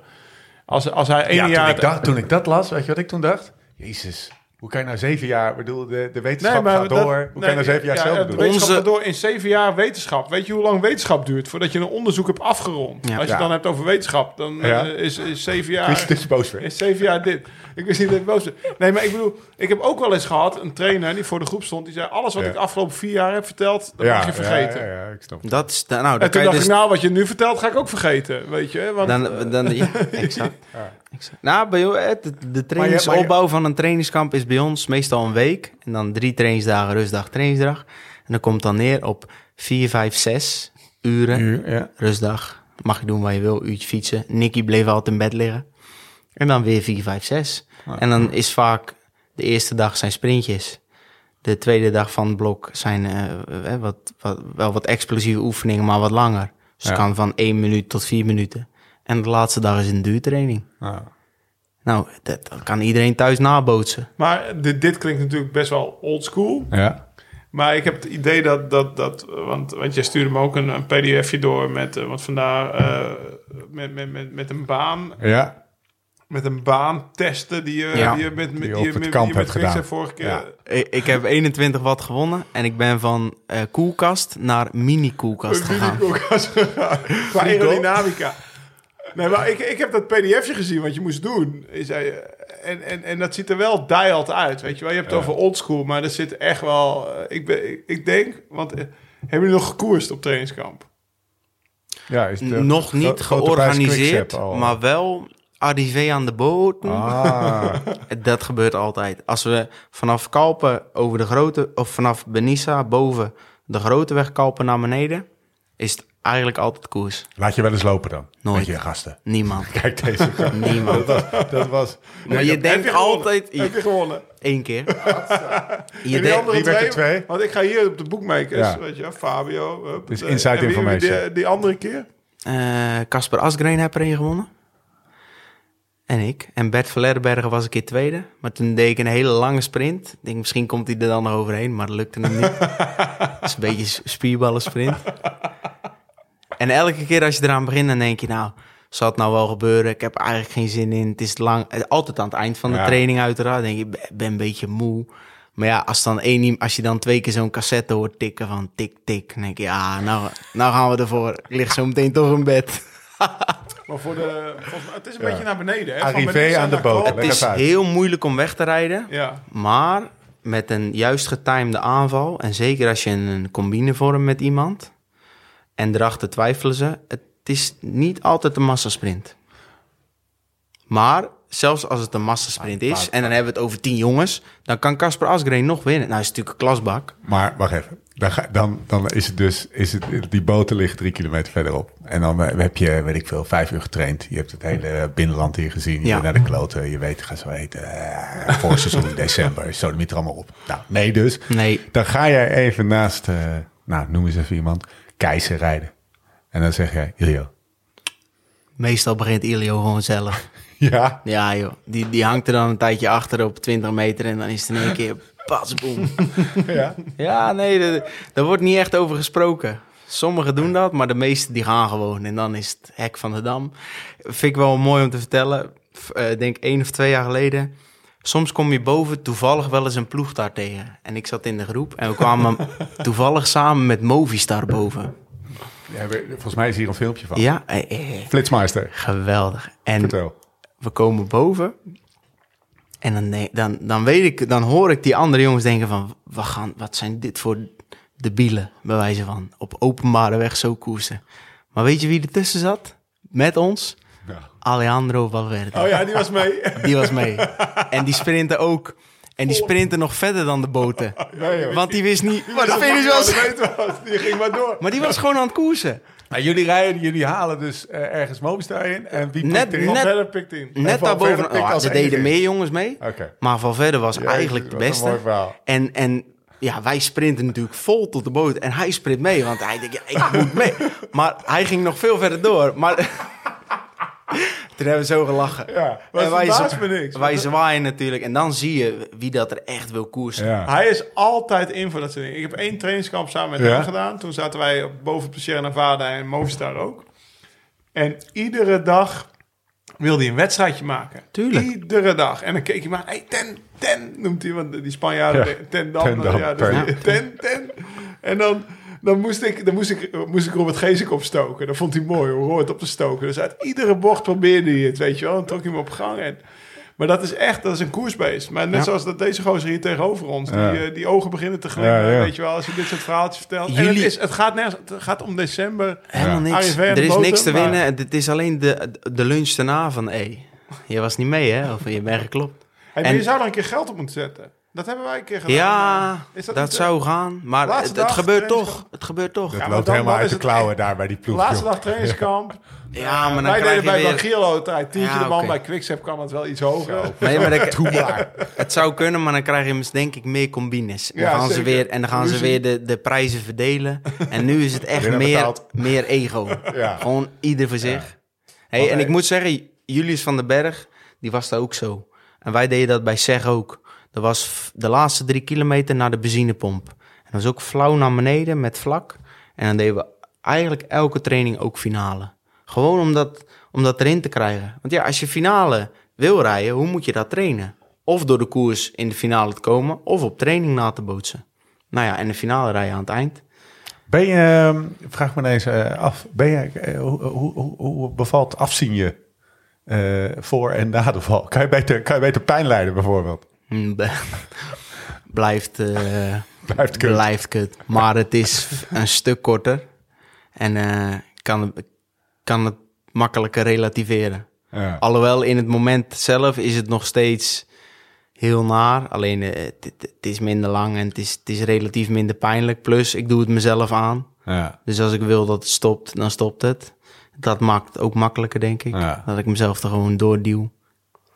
Maar, eh, ik heb altijd bewondering op een of andere manier voor sprinters. Waarom? Nou, omdat die kunnen sprinten totdat ze kotsen. Ja. Ja, eh, gewoon, eh, Ja. Ik denk dat als je hem nu zegt van... joh, gozer, eh, je gaat hier op de, op de molenkade... vier sprintjes van 400 meter sprinten... dan ligt hij te kotsen. Bij de Ja. tweede al, denk ik. Ja, nou ja, de- ik heb dus ik, ik heb laatst een berichtje naar. Jim gestuurd. Serieus? Ja, dat zijn sprints van Dat is gewoon standaard. Ja, 20. 400 meter is lang. ja. 20 seconden, 25 seconden. Oh. Oh, dat, Dan is bij de tweede al raak. Ik heb dus met Jim, eh, want ik heb, ik heb een keer met Join krijg ik, eh, dan, eh, er zit er een VO2 max dag in. En er stonden 10 50's op. Dus dat is zeg maar 10 seconden sprinten, 50 seconden rust en dat dan 10 minuten achter elkaar. Ja, ik begin wel een beetje te hijgen hoor, maar echt, ik voel echt niks. En ik heb het gevoel van dit, dit staat erop, want een 5 keer 3 minuten of 5 keer 4 minuten is echt een zware training voor Ja. mij. Maar Nee, waarschijnlijk dat doe, is dat het doe voor, ik niet. Waarschijnlijk is het voor Fabio. Maar die gasten die kunnen dus in zo'n korte tijd zich zo leegtrekken. Dat lukt me niet. Terwijl, ja, wat, zij, wat wij in bergritten doen, dat is voor hun misschien heel, heel, heel ik. denk anders. elke sprint die wij doen, of dat die nou 6 of 10 seconden is, er zit altijd twee minuten tussen. Rust. Anders, ga- anders gaat het gewoon niet. En vanaf 15 seconden sprint, die doe ik ook wel eens, meestal echt richting het seizoen. Als je echt een keer die lange sprint, dan is het gewoon een volledige 5, 6 minuten. Anders, ga, je, ga- anders, ga, je gewoon, anders ga je gewoon spugen. maar, maar Ja, dat is ook niet verkeerd, maar dan, dan, dan is je, het lichaam ook niet opnieuw opgeladen. Al Ja. die spieren moeten weer... Maar dat van is wat ik bedoel. Ik af. bedoel, ik kan dus als... als- Ik heb Jim toen een bericht gestuurd. Sta, ik zeg, er staan eh, 1050's op Join. ik zeg, het zal wel, maar volgens mij is dat voor mij als persoon niet echt eh, een training waar ik zeg maar kan doen wat de bedoeling is van die training. Want de bedoeling van die training is dat je na, na die 10 minuten bijna gaat spugen. En ik denk gewoon, nou, oké, ik doe twee tandjes bij en ik ga nu even, eh, zeg maar, gewoon trainen, weet je wel, voor mijn gevoel. En, en ik heb dus echt wel bewondering voor die, voor de, voor die sprinters, want het is zo'n andere Je moet je er manier maar van afzien. opladen. Nou, ik heb heel af en toe dat ik echt heel veel pijn in mijn benen voel. Ja. Als ik bijvoorbeeld, weet ik veel, echt een bij wijze van spreken hard een trap opgerend ben. En denk, godverdomme, dit, dit voelen die sprinters dus. Ja. Je Ik denk- maar ik heb dan ook andersom weer, als ik denk mannen die echt lang bergop rijden en dat is dan boven omslagpunt, dan is het elke keer toch met verzuring. Niet zoveel als waarschijnlijk wij zoveel, voelen, nee. maar wel dat zeurende. Ja. Maar ook op een gegeven moment merken van ik, ik wil wel harder, maar ik kan niet harder, want dat is het vaak. Het is vooral op hijgen, zeg maar. Ja, Hijgen. terwijl ik, we, ik weet heel vaak van ja, ik kan nu wel harder. Maar de top is over drie kilometer. En Ja. ik kan een kilometer nog harder. En soms probeer je dat dan. En zo zie je wel eens sprints ontploffen. Maar ik kan En dan dus- is het, maar dan is het ook gelijk boom. Ja. Maar, maar ik kan dus, ik kan dus, als ik de top zie, zeg maar, van, van, van, ik kan nooit, eh, zeg maar, ik rij voor mijn gevoel de, van, van onder tot boven de vertoe zo hard als ik kan. Ja. Ja. Je En weet als je een kilometer moet, kan je niet nog versnellen. Nee, ik kan niet nog harder. Want je, Dat was je zeg maar mijn, mijn, ma- mijn mak ook. Want bijvoorbeeld Ja. Bouke, die kon Ja, dus die wel zeg maar de laatste kilometer Ja. nog een poef geven. En, eh, maar dat is dus, ik rij altijd... Ik heb wel eens met Peter Wolters, dat is een 400 meter lopen. Ja. Nou ja, die gaan na iedere wedstrijd eh, spugen. Ja. Eh, die zei ook van, het lijkt me zo kut als uit iedere bocht volle bak voelt. Want dat heb ik in een peloton. Uit iedere bocht ben ik zo hard aan het sprinten als ik kan, omdat ik niet harder kan. Terwijl Ja. hij twee trappen doet, Wel in het zadel. ja, of, of bij wijze van Ja, spreken- blijft zitten, ja, nee, dat klopt. En, en dat is... Dus, dus wat dat betreft heb ik wel altijd Ja. een bewondering gehad. Want zij voelen volgens mij een hele andere pijn. Vooral echt pijn, pijn in hun benen, pijn. Ja, tot blok- echt voel. tot blokkeren. Ja. En Ja, dat is anders bijvoorbeeld, afzien. eh, we hadden op trainingskamp hadden we, hadden we een afzien. test. Ja. Er zitten twee compleet verschillende renners naast elkaar. Eh Julian en ik. Ja, Julian is gezellig, muziekje aan, hup, hup. Ik begon eerst met mijn protocol tot vetdrempel. Nou ja, dan stop je rond de 300, 340 watt. Mijn vetdrempel lag ongeveer rond de 300 watt. En daarna komt de, de, de test waarbij 25 watt per 30 seconden. Nou, en dan, dan zit ik te stampen. Omhoog gaat. Ja, Totdat omhoog. je niet meer kan. Ja, totdat je niet meer kan. Tot, tot Ja. blokkeren. Ja. En dan tot een goede 500 watt zie je aan mij ook niet dat er echt wat mis is. Maar die hartslag lopen op en die lopen op. En dan gaan we richting de 550. En voordat we bij de 600 zijn, dan ben je zo'n 7, 8 minuten bezig. Stop ik in één keer. Ja, maximaal hartslag 200. En dan zegt hij, ja, ik zag helemaal niks aan jou. Nee, ik zit in mijn hè, geblokte houding, bulletje. En als het klaar is, is het klaar. Maar bij hem zie je dan, ik heb bij hem ook staan kijken, hij begint eerst te schudden. Dat is ook een beetje zijn stijl, snotten wegvegen en zo. Keertje staan, weer zitten, weer staan. drama, heerlijk. Dat. Ja. En, maar dat zijn dan ook andere renners. En, en in, die, in die korte test ko- komen we nagenoeg even ver. Ja. Terwijl je zou zeggen, ja, hij moet toch Veel verder komen. veel, veel... Of moet ik juist verder komen? Want Ja, het is een relatief korte test. Ja, maar acht Maar minuten is wel. precies, maar Ja. daarop zijn we dan een soort van gelijk. Maar als je mijn, lac mijn lactaat stijgt richting de 20, terwijl bij de meeste duurmannen blijft dat wat lager. Alleen als je mij dan, dan zetten ze je weer terug op die vetdrempel. Dan laten ze je weer richting omslagpunt. En dan kijken ze wanneer zeg maar, de lactaatcurve terugkomt. Want die begint hoog, dan zakt die, dan gaat die weer omhoog. Tegen dat mijn lactaat weer begint te stijgen, beginnen mijn benen eigenlijk zo goed als weer te blokkeren. Want het zakt haast niet onder de 10. Want als ik natuurlijk vol zo'n drie, vier minuten in het rood ben geweest, ja, dan zitten de benen zo vol. Ja, bij jou, bij heb, jou ik die vijf, zes, niet meer. heb ik die vijf, zes minuten nodig. Dus bij mij hebben ze het dan over een curve. En dan begin ik altijd, nou, het zal meer een soort springschans zijn bij het skiën. Zo van vlak en dan een beetje omhoog. Terwijl bij die andere jongens zie je echt wel mooi dat die beginnen met een hoger lactaat. En die komen dan onder en dan begint die weer te stijgen. En die kunnen dan wel weer een flinke tijd doorrijden met dat lactaat. Ja. Dus het verschil is dat jij de tweede keer kan je niet doorrijden. Haast En- en- niet. En, alle verliep wel. Ja, die rijdt dan een stuk langer door. hetzelfde bijna. Nou, dat hebben we gezien op de Nou WK. ja, die, die stijgt dan weer. Ja. weer die Ja. kunnen dat lacta- lactaat weer, weer bufferen. Terwijl bij mij, ik zit vrij snel weer op het niveau waarbij de boel gaat blokkeren. En dan denk ik, ja, Ik weet nou mijn omslagpunt Ja. al. Ik ga hier geen koers winnen. Do you have your data? Yes. Nee, maar eh, eh, dat is ook een, meestal is het bij mij een 30 seconden een minuut. Want ja, ik, ik train er ook Maar dat is niet wel op. een heel interessant Ja, trouwens. Want ik heb dit nog nooit gehoord. Dat ze het zo... Dat Volgens ze mij doen ze dat bij ons al, al, al tien jaar zo. Wat is het interessante dan? Dat, ze het, dat je Nou naar ja, je max wat, gaat? wat ik be- want dit is waarschijnlijk in Leuven. Bakkela, ja. Maar- En Ja, Leuven. Ik heb daar één keer getest. Eh, volgens mij, dat was zeg maar het hele lange protocol. Gewoon van nul tot zolang je het volhoudt. Ja. Dan zit je een uur, tien minuten op, op, de, op Blokjes ding. van vier of blokjes van acht minuten? Ja, nou ja, ik heb het één... Dat is in 2005 lag ik nog op de weegschaal. eh Voor Quickstep. Rabobank Quickstep. dus zo ja, is is- het geleden. Fabio. Dus vier of acht minuten kan ik niet weet- terughalen. Had hij bijna voor Quickstep gereden. Je, moet, je moet me niet... te Maar ik, dacht ik dacht... dat- waren te duur zelf even. Dat- Die reed toch voor Rabobank. Ah, ja, ja, ja, ja, dat is, Dat is echt waar, ja. Heavily overpaid, man. Ik geloof dat Bonen tot op de dag van vandaag nog het record heeft. Ik dacht dat het blokjes van acht minuten waren. Ja, heel lang, weet ik nog wel. En dan elke keer natuurlijk lactaat prikken, maar die reed ook geloof ik boven de 500 watt. Dus en dat dan anderhalf betekent, uur bijna. ja, en dan dat betekent dan, ik dacht dat het in stapjes van 30 watt was of zo. Ja, dat is bizar.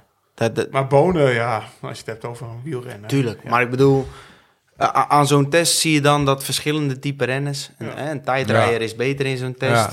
Ah, mooi. Volgens mij hebben jullie in het afgelopen eh, vijf minuten... Ik heb Oh, ja. mijn mond open zitten luisteren. Eh, niet dat, eh, zeg maar, eh, de- je- zeg maar, het effect van afzien op jullie lichamen... en jullie lichamen, en het effect van jullie lichamen op afzien... eh, mooi samengevat. Nou, ehm, zullen, we, zullen wij de schoolkrant even openen, Lau? Schoolkrant. Ja, Oh, ja, ja we openen zeker, even de wielrennen. Ja, mogen, mogen we? Zeker. Zeker. We hebben jou er niet tussen zien staan in het boek van Boers. We zijn nou wel echt het boek van Boers Ja, maar wat ik heel erg heb onthouden heel erg aan het vorige promoten keer was trouwens. dat... Ja, ja, het boek van voor? Boers. Ja, het boek van Boers. Nou, ik ben fan. Vooral omdat ik er zelf... Nee, nee, nee, nee, nee. Ik ben echt... Ik zit gewoon altijd... eh, maar dat heb, ik al, dat heb ik ook tegen Nan nog gezegd. Ik zit gewoon te genieten.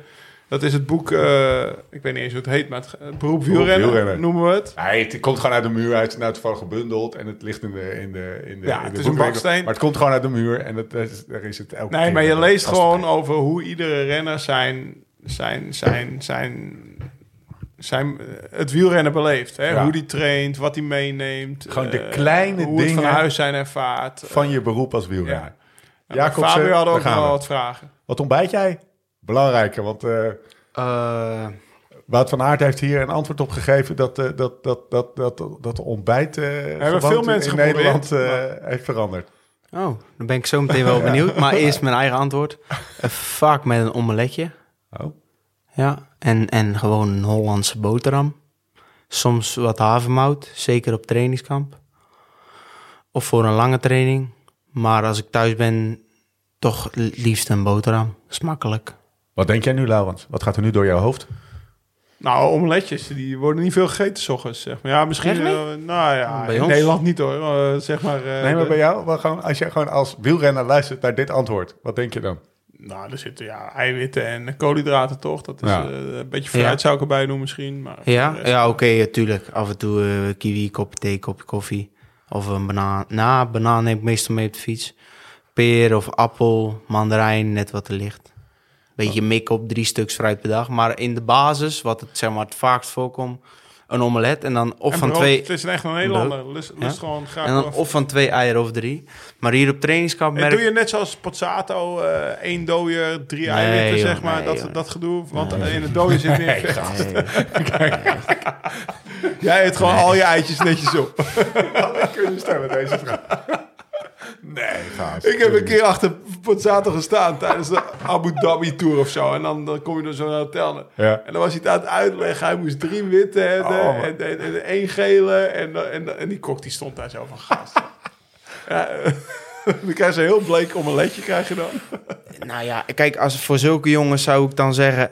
pak dan één eitje met een dooier en neem dan kipfilet erbij. Opgelost.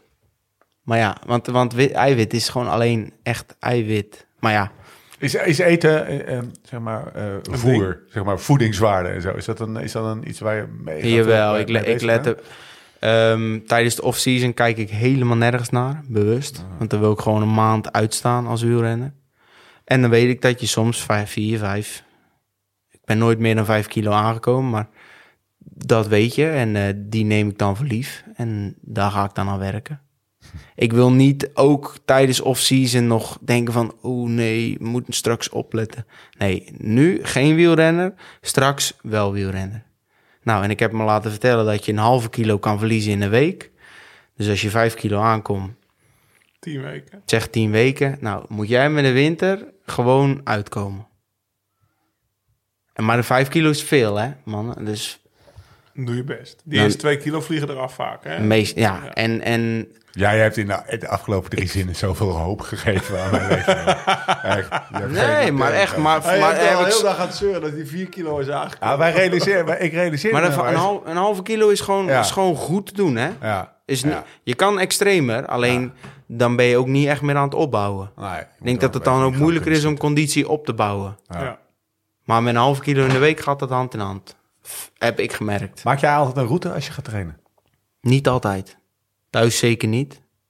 Vaste, Eh, in- vaste In het trainingsrondjes? buitenland, ja, v- vaste trainingsrondjes, maar wel verschillende die ik dan of aan elkaar koppel, afhankelijk van of waar het regent of ja. wie dat er meegaan. Maar ik zit niet, ik rijd niet per se dat omdat het moet dezelfde ronde. En als je thuis komt, zeg maar na een drie uur rondje of vier, la- laat zeggen vier uur. Is dat gokken of weet je precies, dit is vier Nee, uur? dat weet ik. Ja, dat is niet gokken. En op de 10 minuten, op de 5 minuten, op de 3 minuten? Nee, wel op de precies. Wel op de 4. Sick. Ik had de ik- laatste keer, ik kwam thuis 3-0-0, 30 Ja, of zo. Ik dacht, nou, de, Ik ging uitgerekend, maar dat, kan eh, dat wel op de precies. Meest, maar soms beslis ik onderweg dan om of langer te gaan of korter. Maar dan komt het ook wel weer precies uit met wat ik in gedacht had. Als je je eigen trainingsregio goed weet, Ja. dan eh, zeker als Maar je, prof. rij jij, eh, ik heb, want ik heb dat wel eens, weet je, en ik denk, eh, kom niet uit. En rij je dan zeg maar bij huis nog, want ik, ik vind het zo irritant om als ik thuis kom nog een rondje, of rij je zeg maar een uur van huis al dat je denkt, ah nu rijd ik nee, even zo. de- eerder al. Ja. Eerder al. Ja, eerder al. Dus hij, eh, hij, hij is een planner. Weet je. Jawel, Ja. maar je weet... Wat rij je gemiddeld tussen de, tussen de 35 en de 30? Ja. Of je moet echt eh, met een groep meegaan. Maar eh, nee, ik weet wel welke rondjes ik moet rijden. Maar niet een rondje bij thuis echt om.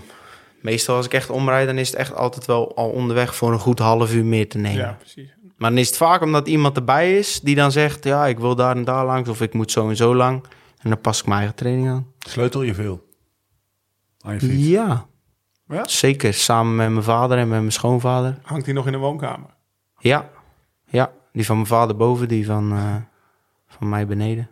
Oh ja, hing, hing beneden, ja. Maar doe je dat puur functioneel of is het ook een beetje therapeutisch? Een beetje lekker. Mijn vader is een keuze. Ja? Ja, want mijn moeder heeft schilderijen, dus hij wil, ze, hij wil zijn fiets. is toch ook mooi, zegt hij dan? Is toch prachtig? Ja. S-Works, mat zwart, een beetje carbon look. Dat is ook gewoon een hele mooie fiets. En eh, vroeger, toen ik junior was en nieuweling en alle tijd daarvoor, waste hij altijd mijn fietsen. Want ja, als jonge jongen doe je dat natuurlijk niet. En nu was ik zijn fiets. Ja? Ik soort van, ja, ja. Want ik, time. dan merk ik wel, ik ben wel toch eh, licht perfectionistisch daarin. Omdat ik vroeger een keer gesprint heb. Het sloeg mijn versnelling over. En dat was eigenlijk omdat mijn fiets vies was. Dus de ketting. Dus ik ben nu echt heel schoon. Dus goed ontvetten, nieuwe olie. Dus mijn vader heeft... Olie of wax? Nee, olie. Of Teflon. Ja, Teflon werkt niet. Ik noem geen, ik noem geen naam. Nee, nee. Morgan Blue. Best, beste spul wat er is. Nee, maar zon, ik, als ik het zou moeten kopen, kocht ik het ook. Knippen, Nee. knippen, knippen we eruit. Ehm, nee, maar ik, ik, ik ontvet ja, goed. En dan ook nieuwe olie. Eh, en mijn vader die heeft het Na liefst iedere rit. na iedere smerige rit. En zeker voor elke sprinttraining. Oké. En 100% als ik de dag daarna achter de brommen ga. Want aan eh 65, 70 per uur wil ik niet dat die cassette overslaat. En daarom heeft mijn vader ook het liefste dat ik, mijn- dat ik zijn fiets schoonmaak. Hij doet het zelf ook wel, maar, Maar hij heeft, hij heeft goed... Mooi hè, als je vader kan zeggen... Jij doet het goed genoeg, jongen. Want hij heeft het natuurlijk altijd voor jou gedaan. altijd. En dat deed hij ook heel goed. Alleen, ja, ik, ik moet ook zeggen, meestal was ik dan ook mijn eigen fiets. Dus dan of je dan één of twee was. Het meeste werk is de spullen klaarzetten, het sop maken eh, en de boel weer opruimen. Dus Hoe lang ben je ermee bezig? Minimaal een half uur. Maar, ik, ik, maar schoonmaken is bij mij niet afspuiten en soppie. Nee, ik Doe echt de ketting ontvetten. Dat is het meeste werk. En het wassen, ja, dat stelt geen reet voor. Half uur klinkt voor mij... eh, Zo. Ik heb zo'n vijf minuten routine, zeg maar. Dan Nee, heb maar ik dan ook de doe- ketting gedaan, hè? Dan doe, ja, maar dan heb je hem niet. Warm water? Ja, maar dan heb je hem niet goed gedaan. Dan weet ik zeker, als je dan daarna de ketting zo heen en weer doet, dat je nog Hoor je steeds zo. Nee, van het zand. Ja, ja, ja. En zeker in hun streek. Ja. En trouwens, Overal zand. eh, ik, woon, nu- ik woon nu met mijn vriendin eh, op Zuidland. En eh, dan rijden we vaak richting de Slufter. Dus dat is bij de Rotterdamse haven. En daar is gewoon veel zand. Dat is natuurlijk allemaal opgespoten. We hebben ook veel zand. Maar eh, nee, een half uurtje reken ik wel. Maar als, zelfs als die vies is... en ik weet de dag daarna heb ik gewoon een duurtraining... en het is niet te erg... dan doe ik misschien een heel klein beetje olie erbij... of zelfs niks. En dan ga ik gewoon nog één dag. Want je kan echt wel één dag of twee dagen... met een wat viezere fiets. Ik kan beter één keer goed schoonmaken... dan halfslachtig. Want zo'n vijf Ik doe, minuten... het, ik doe het altijd halfslachtig. Zo'n half... Iedere, iedere dag, hè? Iedere dag, hè, Fabio? Dat is ook een half uur per week. Bij elkaar opgeteld. Ja, maar, Zijn dan die bedoelt maand. maar ik ga dit nu vergelijken met... ja, ja, met, ja, met ik zag hem net naar mijn fiets kijken. ik, ga, ik ga dit nu vergelijken met je billen afvegen. Ja. Doe je dat dan liever één keer in de week helemaal goed schoonmaken? wat een goede vergelijking bij Lau zijn? Douchen. Of, doe je dat gewoon elke keer maar met één papiertje en stop je dan? Precies, ja. Dan blijft het wel altijd vies. Amen. Terwijl als je één keer echt goed poetst, is die wel helemaal schoon. Ja, ik kan niks meer zeggen nu, toch? Ja, ja, precies. Gadverdamme. Hoe komt hij erbij? De smerigste analogie Nee, dit heb ik geleerd van van, 145 podcast. nee, van, eh, van eh, Neil Martin, zei dit. De vader van Dan. Is erbij.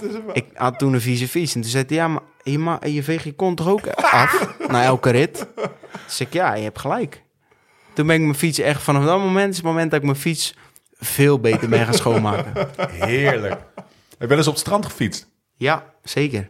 Want eh, jouw, eh, jouw eh, eh, ploeggenoten, die, eh, die eh, hebben. Lampaard, eh, Nee, ik, ik, Klerk. de Klerk. ik wil graag zo'n fiets gaan samenstellen. Ik zie Op het moment is het slecht leverbaar natuurlijk, Ja. alles. Via Specialized moet dat altijd lukken. Ik, heb een... zeggen. Ik heb Kaf een... nou, Ja, jij nou even een ik heb vandaag- fietsen, dan één belletje. Tuurlijk. Nee, man. maar ik heb vandaag met Mondini gesproken. En die zei wel, op dit moment hebben eigenlijk alle shops en klanten voorrang op de profs en de profploegen. Want we moeten ook gewoon echt verkopen. Ja. Dus als je echt iets wil, moet het te regelen zijn. Maar er is gewoon een tekort. Ik zag laatst Pieter Wening op zijn Specialized eh, wegfietsen bij Surfs Koers. Nou, lijkt me ook wel nee, dan moeten we... Maar ik, ik bedoel... vraag er voor een strandfiets, maar als, en nul op request vinden. Als Fabio Jacobs al... eh, Als, als, Voel je wel een stuk minder lullig. Ja, Ja. ik ben... Nee. Hij zit al een maand op een strandfiets Ja. Specialized. Maar Ik, ik, nee, ik, ik, ik ga Ze het zijn wel, er niet. Ik ga het wel doen. Ik heb wel op... eh, ik heb een gewone mountainbike. En mijn ouders hadden een huisje op de Schelling. Hm. Toen zijn we over het strand gereden. Rondje de Schelling is drie uur. Mooi rustig eiland, samen met mijn vader. En een keer samen met Lore. Ja, ik- mij bevalt het wel. Ik vind het enigste nadeel alleen... je moet natuurlijk wel rekening houden met het tij. Ja. En dan moet je dus ook al rekening houden met het weer... en Ja. met de tij. Ja, het is... Het is eh, Maar als je dan een goed strand hebt... Het is organiseren. Een, Dan een, is het wel een- een- een en prima strandje. Precies, en eh, Dan is het toch, eh, ja, het is eh, echt één met de natuur. Het is iets anders dan eh, gewoon altijd dezelfde wegen. Wij zaten van de week op het strand en toen reden we... Je zat van de week zes keer per week Ja. op het strand gaan. We hadden een prima strandje. en we hadden zuidwestenwind. 4, 5. Ja. Butter die reed hard trouwens, Michel. Michel Butter. En ja, dan rij je gewoon... Dan kan je bijvoorbeeld ook 20 kilometer lang... bij wijze van spreken 50 kilometer per uur achter elkaar aankoersen. En waar vind je dat in Nederland? Ja. Toch? Dat, Ja. eh, het, was, het, was, het was op een, op- een moment dat er, ja, er was harde wind en toch wel een beetje druilerig. Dus er waren weinig mensen aan het wandelen. En dat is dan, ja, dat is, als je dan bij wijze van spreken, ik heb er nu ook een vermogensmeter op, een nieuwe mountainbike. Nee. Moving up. Ja. Zo. Als je dat dan, als je dan, dat is best wel speciaal wat je dan Nee, maar om terug te komen op die ploegmaten van mij die dat doen. Ja? Het is natuurlijk eigenlijk een, een uur of anderhalf uur lang waaien koersen. Waarbij, oké, terug het strand af en het strand op Is Eh, een soort cross. belangrijk Ja. is. Het belangrijkste. van- dat is ook wel een echte inspanning. Precies, maar dat, dat spelletje is natuurlijk gewoon an- een uur waaienkoers. En, en ja, dat is wel leuk, zeker in de winter voor die mannen. Het is toch een, een... Het is niet crossen, want crossen is dan weer veel te omslachtig. Moet je twee of drie fietsen hebben, Ja. hele camper. Dit is gewoon één korte waaienkoers. Ja. Dus ik snap wel dat, eh dat het leuk vindt. Alleen, ja, wat ik net hiervoor al zei, oktober is vakantie, november is opbouwen. Daar past niet altijd een uur 8 januari. trainings, trainingskamp. Trainingskamp. 6 Hebben we hier tot toch ook een 14 januari. Ja. Nee, skiezels. Eh, Fabio, eh, als ik jou vraag in welke fase van, van je carrière bevind jij je? en Wat antwoord je dan? de, de, nu gaat het gebeuren. Ja? Ja, Het grote oogsten kan beginnen. 25 tot 30 ben je als sprinter sowieso top. Ja. En dan moet je kijken hoe lang je goed blijft. Er zijn sprinters die komen wat later. Hoe oud ben je nu? 25.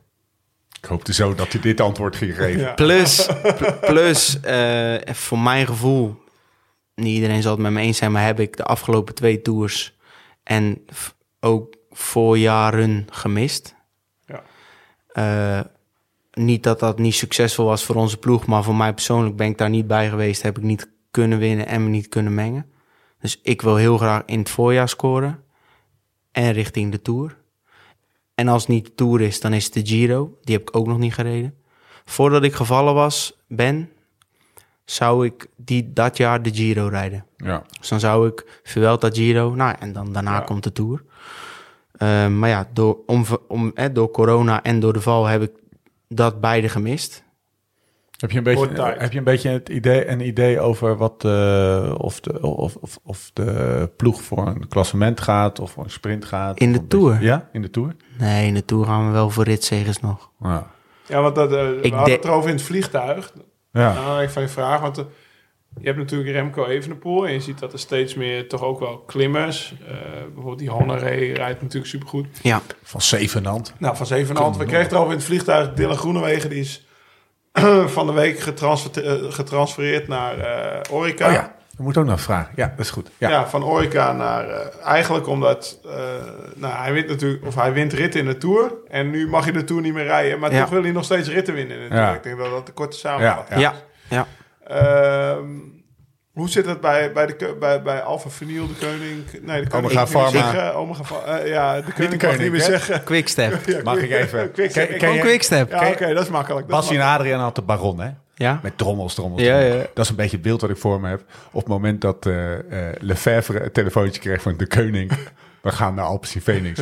trommels, trommels, trommels. Dat hij die telefoon zo uit zijn Oh, uit zijn handen nee, trok. nee, is dat ja. niet zo? Het was meer, de koning wilde niet voor vijf jaar mee met, eh, met. Nee, maar ook niet aan dat bedrag. En laten Ja. we wel wezen, op de kont bij Alpsin, is ander Phoenix, bedrag dan bij jullie op de borst. heeft even niks te maken met bij ons hoofdsponsor.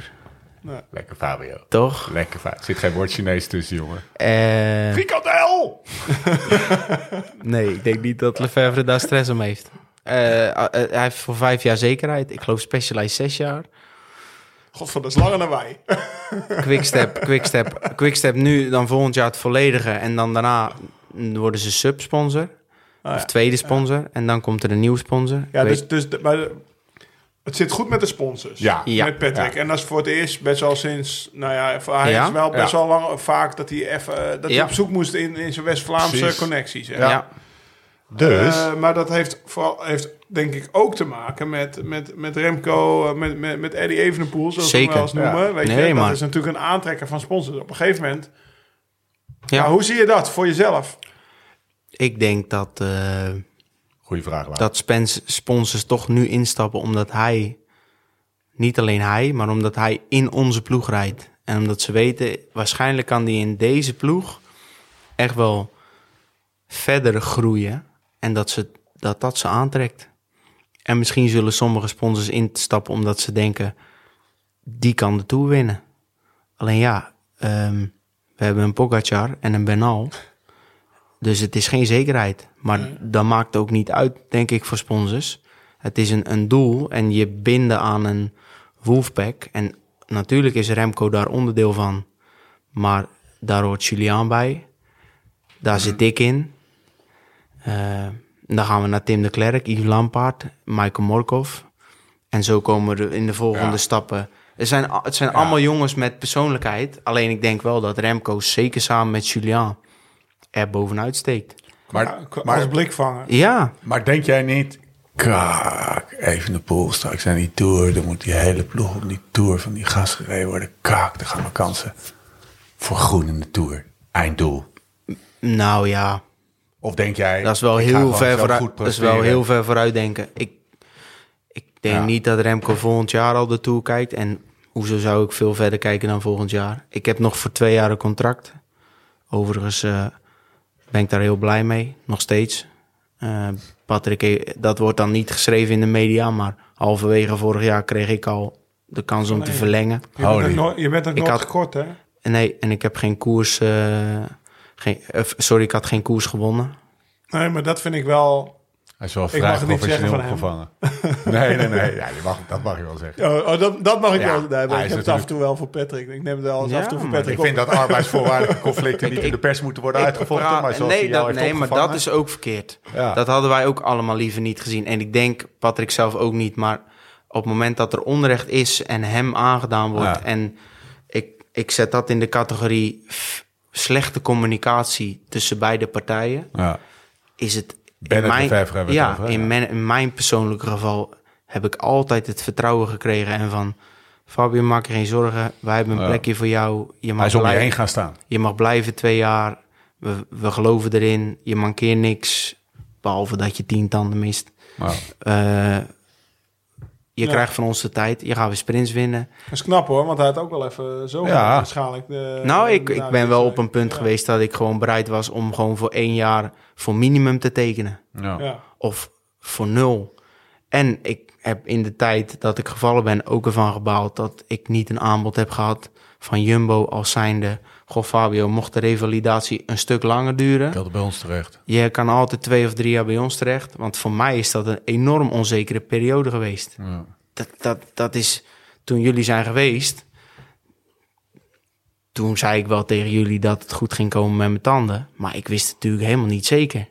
Jullie ook niet. Met, met, Oh, met mijn tanden wel, maar ik bedoel met Ja. mijn carrière. Ja. Kijk, dat ik weer een normaal persoon ging worden. Waarschijn, waarschijnlijk wel. Een soort verzekering had je wel. Eh, Nou ja, en nou ja, zeg maar, ja, het, het gevoel van ik kan het nog vier jaar proberen. Ik kan nog Ja, of twee of drie. In ieder geval, ik had niks, hè. Ik ging, ik ging een, een half jaar revalidatie in en nu loopt mijn contract ten einde. Alleen, ja, Patrick stapt dan halverwege het jaar in en die zegt, joh, wat er ook gebeurt, je mag twee jaar blijven. Ik weet dat je nog niet gesprint hebt, maar dat komt goed. En dat is ook de enigste ploeg die überhaupt eh, ergens mee... Of ja, Patrick zelf, maar andere ploegen hebben zich niet eens willen, willen branden. Ineos heeft geïnformeerd hoe dat het ging met me. Ja, dat zijn geen concrete aanbiedingen of getallen of van twee jaar of één jaar of cijfers. Of, dus ik ben Patrick daar heel dankbaar voor. En voor mij is dat persoonlijk eh, een hele... Ja, een Dat hele zou je altijd. Dat, dat, Tuurlijk, dat hij- altijd zit dat. hier, ja, zeg hij zit, Ja. eh, die man, die meneer zit in mijn hart. En ik ben, hij twittert nu ook niet meer. Nee. Dus dat is ook goed. Ja, of jou aanraden. Nee. nee. Patrick. Die invloed heb ik. denk, ik denk, Nou, zijn, ik denk zijn vrouw. Ja. ja. Nee, maar dat, dat had niet uitgevochten moeten worden in Grappig, de media. Maar Ja. daar wordt wel naar gevraagd, Nee. ook door journalisten. Ja. Maar voor, voor, daarom vertel ik dat nu. Omdat, Ja. omdat, ja, voor mij is dat wel goed geweest toen de tijd. Had hij ook niet hoeven doen. Had ook kunnen denken, nou, ik wacht wel tot eh naar Wallonië. Dat ik een zekerheidje heb. Ja. Ja. Hey, zonder allerlei eh, rechtszaken eh, Ja. shit allemaal hier op tafel te leggen. Want het gaat ons ook geen donder aan. En het is misschien ook helemaal niet handig om dat Korte eh, samenvatting. Nee, dat, hoeft dat hoeft niet eens. Maar zit, is het nog een... ehm, ligt er nog veel open en heb je er nog veel onrust van? Nee, niet. Kijk, we, we zijn het niet eens. Eh, het gesprek wat we gehad hebben was een normaal gesprek. Net als dat wij hier nu hebben. Maar da- daarin kwam geen excuses. Ook geen duidelijke uitleg. Ook geen garantie dat het in de toekomst niet meer zou gebeuren. Weet je waarom dat is? Waarom ik heb geen idee. Ik, eh, nee, ja, ja dat, dat, dat weet ik niet. Ik, dat zou met een eventuele rechtszaak kunnen, te Ja. maken kunnen hebben Ja, die, er, die er niet is op het moment. Blijf er even. Lau heeft, eh, we hebben eh, een film gemaakt over Gino Bartali. En toen heb, eh, heb ik met Lau een sigaret gerookt.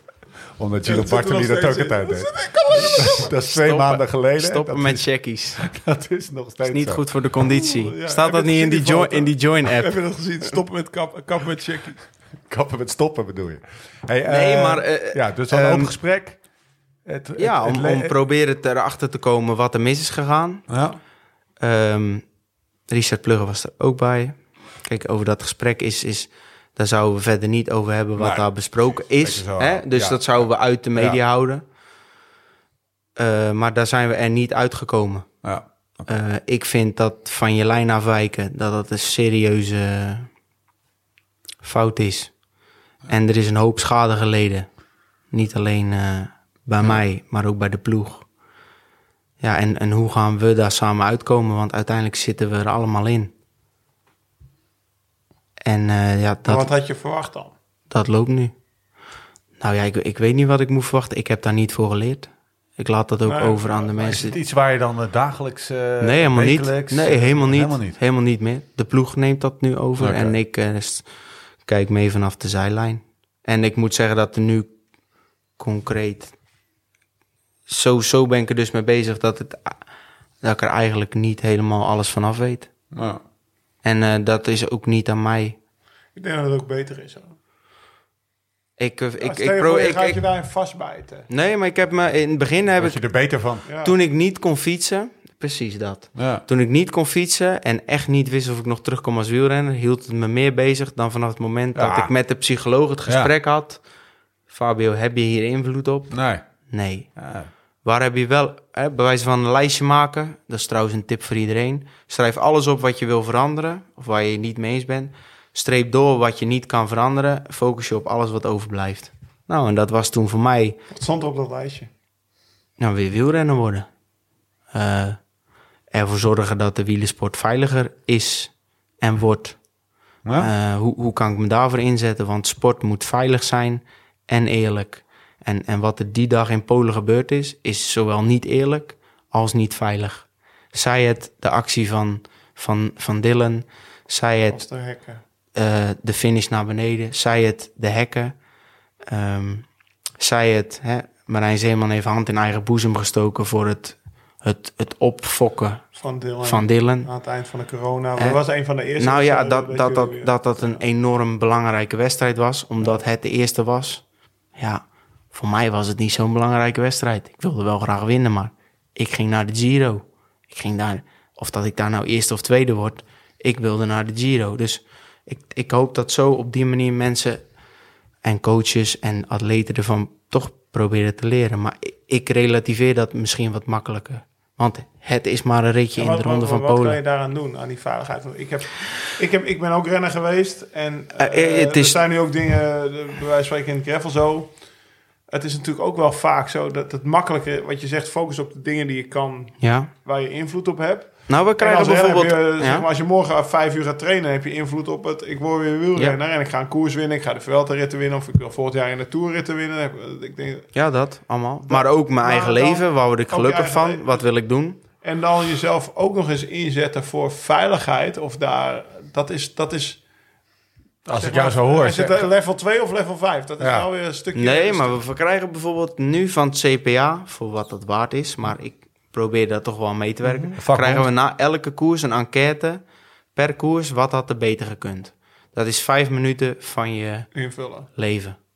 Ik vul dat netjes in en dan zeg ik letterlijk zus en zo, dit en dat had anders gekund. En ik hoop dat ze dat gebruiken. Want ik weet zeker dat 90% van de renners dat niet invult. Want die denken, ja, het zal wel. Het Ja. verandert toch niet. Maar als ze dan wel 10 of 12 enquêtes hebben en ze pakken wat punten eruit, dan zijn we al iets verder. Maar het is niet zo dat je zegt, ik wil in de CPA, bijvoorbeeld. Nee, daar zit Gilbert in nu, geloof ik. Nee, ja, dat Ja, nee, maar dat- nee, maar ik heb ook toen bij, bij ik, weet- ik weet niet meer Nou, waar jou- dat- jouw vraag is een beetje van. Nee, maar hoe- ik weet niet waar dat pak je de handschoenen op? Ja, je ja, op? Ik heb, wel, heb ik heb wel toen gezegd van waar ik denk dat ik invloed op kan hebben. Dus Ja. dat is. Ja. Maar als, als renner is jouw hoofdprioriteit eh, Presteren. presteren eh, of zorgen voor je familie. Dat zal je dan boven zetten. Dan presteren. Dan blijft er maar een klein deeltje over. Want wielrennen zijn neemt 100% van je aandacht bijna op. Maar als er dan dingetjes zijn waar ik wel de kans krijg om wat te zeggen of me erin te mengen, dan doe ik dat zeker. Maar je moet ook niet trekken aan een dood paard. Nee, nee, Ik weet nog dat ik- tegelijkertijd, Fabio, als, Ja. of Fabio, als je, ja, je, je zit nu weer hier, eh, as we speak, al 1 uur en 48 aan tafel. Ja, Ik heb wel het idee dat, dat dit wel een vraagstuk is in de wielrennerij dat, eh, dat de aandacht verdient.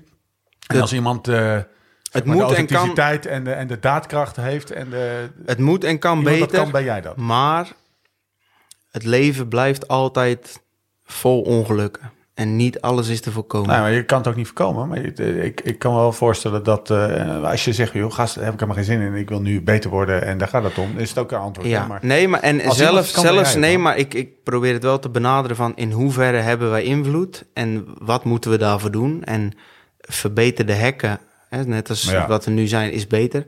Maar in die hekken wil ik nog steeds niet belanden. Daar wil ik nog steeds niet overheen, tegenaan.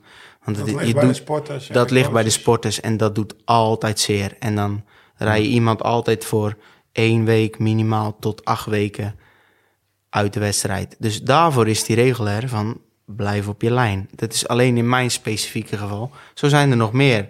Ik weet dat toen in de Tour of in de Dauphiné, dacht ik, was er een gevaarlijke afdaling met losse keitjes. Toen Ja. hebben ze die eruit gehaald. Maar, oh, ik dacht dat je... Ik dacht dat dat met Kruiswijk en... Kruiswijk viel daar, Daar, toch? Ja, die precies, is er niet die- uitgehaald, toch? Want die viel in die afdaling. Nou ja, precies. Die, viel de Tour uit. Ja, zeg maar. dat vind ik wel van die momenten dat ik denk, ja, dan moet daarop doorgepakt dat, worden. was Alleen, zelfs, dat was zelfs een moment dat eh, FTC had daar verkend. ja. En die had eigenlijk wel even kunnen zeggen van... joh, dit is niet verantwoord, bij Nee. spreken. Als je dat echt weet. Maar dat is, dat is echt het moeilijke in het wielrennen. Hè? Of in het... Algemeen belang versus teambelang ja, versus... maar ja, we persoonlijk hebben- belang. we- ja, precies. Ja. K- krijg Die alle continue afwegingen. kant op. We hebben, het, we, hebben, nou ja, we hebben het ook wel over het gravelrijden gehad. Ja. spreken een paar ma maanden terug.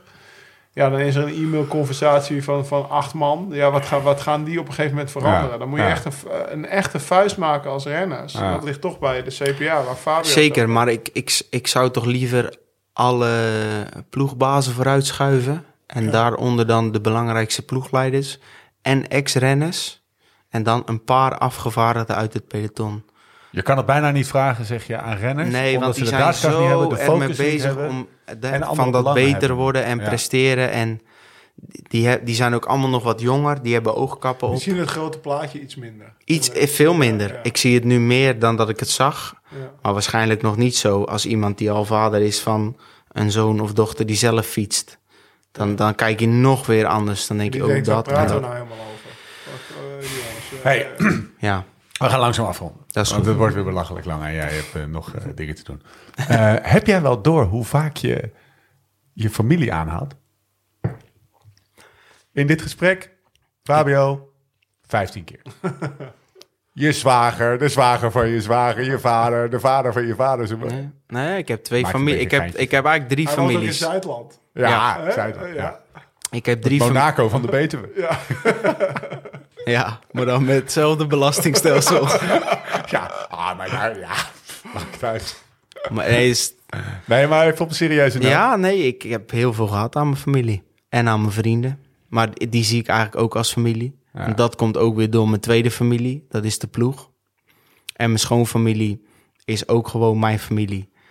Ehm, ik denk als je onderdeel uitmaakt van een wielerploeg zoals ik die uitmaak, dan is familie iedereen waar je een band mee hebt en waar je veel mee omgaat. En ik ben veel bij de ploeg, ik ben veel bij mijn eigen familie, ook veel bij mijn schoonfamilie. Dus de broertjes en zusjes daar, dat zijn ook mijn broertjes en zusjes. Ehm, en eh, ik heb ook goede vrienden. Hè? Een, een, zeg een Dylan van Balen en een Lennart Hofstede. Eh, Marco Brienissen, dat, die zie ik ook als broers. Eh, ik heb thuis wat vrienden. eh Kelvin van der Doel, Jens van der Doel, dat zijn ook broers. Ik had een hele goede vriend, die is mijn zwager geworden. Nee joh, Die heeft verkering met mijn zusje. Ja. Ja, oké. Dus, klein dorp hè. ja, maar zo, Nee, maar je- maar, maar- daarom we zie ik al die op. mensen als van, dat is Ja. familie We voor zeggen mij. net Monaco, want volgens mij eh, Nee, was ja. je van plan Ja. bij wijze van spreken om naar Monaco te gaan. En toen werd je wakker in het ziekenhuis. dacht je van, ah, dit... eh, Nou, ik- of, of ik weet niet wanneer. redelijk wat maar tijd op de IC gehad om over na te denken. Ja. Nee, ik heb, Wat is nou echt belangrijk? En dat was toch echt je familie. En Monaco Ja. iets minder. ja, en, en ook de vrienden. Maar ik vind dat altijd vrienden denk ja, dat, voor mij ben je, als je vriend bent, ben je eigenlijk ook familie. Want eh, daar heb je een band mee. En om die mensen geef je en daar hou je van. En eh, dus dat voelt voor mij als familie. Dus ik ga, ik ga niet naar Monaco, nee. Ik blijf in Nederland. Zuidland. Nou. Zuidland. Ja. Mooi. Mooiste dorp van Nederland, omdat mijn vriendin er woont. En mijn verloofde. En volgend jaar gaan we trouwen. Nee, maar En, kijk uit, hè. Want als je nu Zuidland zegt... Ik weet niet, ik zou, Nee, ik dat zou, dwang, ik zou samen samen met- dranghekken er neerzetten. Nee, samen met die- Heukelum. Die, wilde niet Herentaal zeggen, omdat hij uit Liel kwam, toch? Eh, Wout, die zei, Oh, ja. die wilde de mensen... Nee, ik, ik, eh, wat ik, ik heb, ja, Heukelum wonen mijn ouders, daar ben ik opgegroeid. Maar ja, Maar al die rivieren daar, weet je nog? Dat we daar voor Ja, een pont stonden die niet meer ging om uur een paar, paar natte schoenen daar eh, gehaald. Vorig jaar, eh, Nee, maar het daar pontje is hier. In het, in het donker. Wij met z'n drieën boven op die klote dijk daar. Nee, het pontje moet hier zijn. Nee, maar Komoot zegt dat het hier is. Oké, dus wij lopen naar beneden. Ja, ja. Elf ging er geen pontje meer. Daar- Daar ging ge- geen pontje meer hoor. Oh, moesten jullie Half, omrijden? half december. Ja, ja. Nee, dat gaat alleen in de zomer. Wisten wij veel? Voor de opa's en oma's Wisten die wij fietsen. veel wat daar een uiterwaard is. En dat die onder water Oh, op het geweldig. moment dat het een beetje storm mag. nou, was een mooie avond hè. Was een mooie avond. Ja, prachtig daar. Toen zijn we daar echt eh, de als je het over waar, waar Fabio eh, naar de Betuwe, Betuwe. daar kom je vandaan. Mooiste fietsstreek. Prachtig. En er wordt goed gestookt. Ook. We waren op zoek naar, eh, nou ja, naar die bomba, om die bo- bomba te vullen. Ja? Voor de, voor de mensen die een rondje, rondje Betuwe uh, willen fietsen. Jouw mooie route is hier ergens beschikbaar. Ja, Ik, ik wil er wel eens fietsen. ja noem maar maar eens op. Ja. Eh, beginnen in Heukelum. Wacht even, we geven de mensen even een kans om eh, Google Maps te openen. Ja. Open even Google Maps op je, op je telefoon. Ja, en dan zoek je even op Heukelum. Ja, Heukelum. En dan zoom je een klein beetje uit. Klein beetje uit. Het woord is aan Jacobsen. Dan ga je om en nabij richting het noorden. Dan rij je over de dijk. Dat begint de Lingendijk. Die gaat over bij Asperen in de Diefdijk. Dan rij je helemaal door tot aan de Lek. Kom je uit in Everdingen. Dit is het rondje van de Grote Prijs Everdingen. Elke dinsdag en donderdag en zondag vertrekt hier de groep vanaf Priegesport Meerkerk voor de Grote Prijs Everdingen. Vanaf Everdingen rij je door richting Vianen. Over de dijk tot aan Lexmond. En de finish is in dorpje Sluis. Dan ga je vanaf Sluis naar Meerkerk. Hier finisht overigens de AWM, de Anno Wallet Memorial. Steek je door naar Arkel. En vanaf Arkel rij je terug richting Heukelum. Dus als ik dit rondje vroeger reed als junior, sloot ik aan om me nabij bij Meerkerk. En dan deed ik de hele ronde mee. Afsprinten in Sluis. Hoeveel kilometer? Dat is een goede 60 kilometer als je het hele rondje doet. Maar, ik ga nog over een tweede ronde vertellen. Dat is de andere grote prijs. Dat is de grote prijs Slant. Die begint in Slant, Zuidland. Dan gaan we naar Hellevoetsluis. Vanaf Hellevoetsluis gaan we richting Oostvoorne. Rokanje. En dan gaan we de Slufter over. Vanaf de Slufter maken we een lusje. Dat is overigens het enigste klimmetje in dit parcours. Naar beneden. Terug over de Brielse Maas. Dan zie je links hè, de botlek liggen. Schieten we door tot aan eh, Zwarte Waal. En vanaf Zwarte Waal steken we via Abbebroek. Komt Maarten den Bakker vandaan. Die ken je wel, denk ik. En dan sprinten we af bij het bordje Zuidland. Dat is ook een goede 60 kilometer. Fabio, bedankt. Graag gedaan. We zijn er doorheen. Tot de volgende keer, hoe dan ook en waar dan ook. En voor de tussentijd, Live slow, ride fast.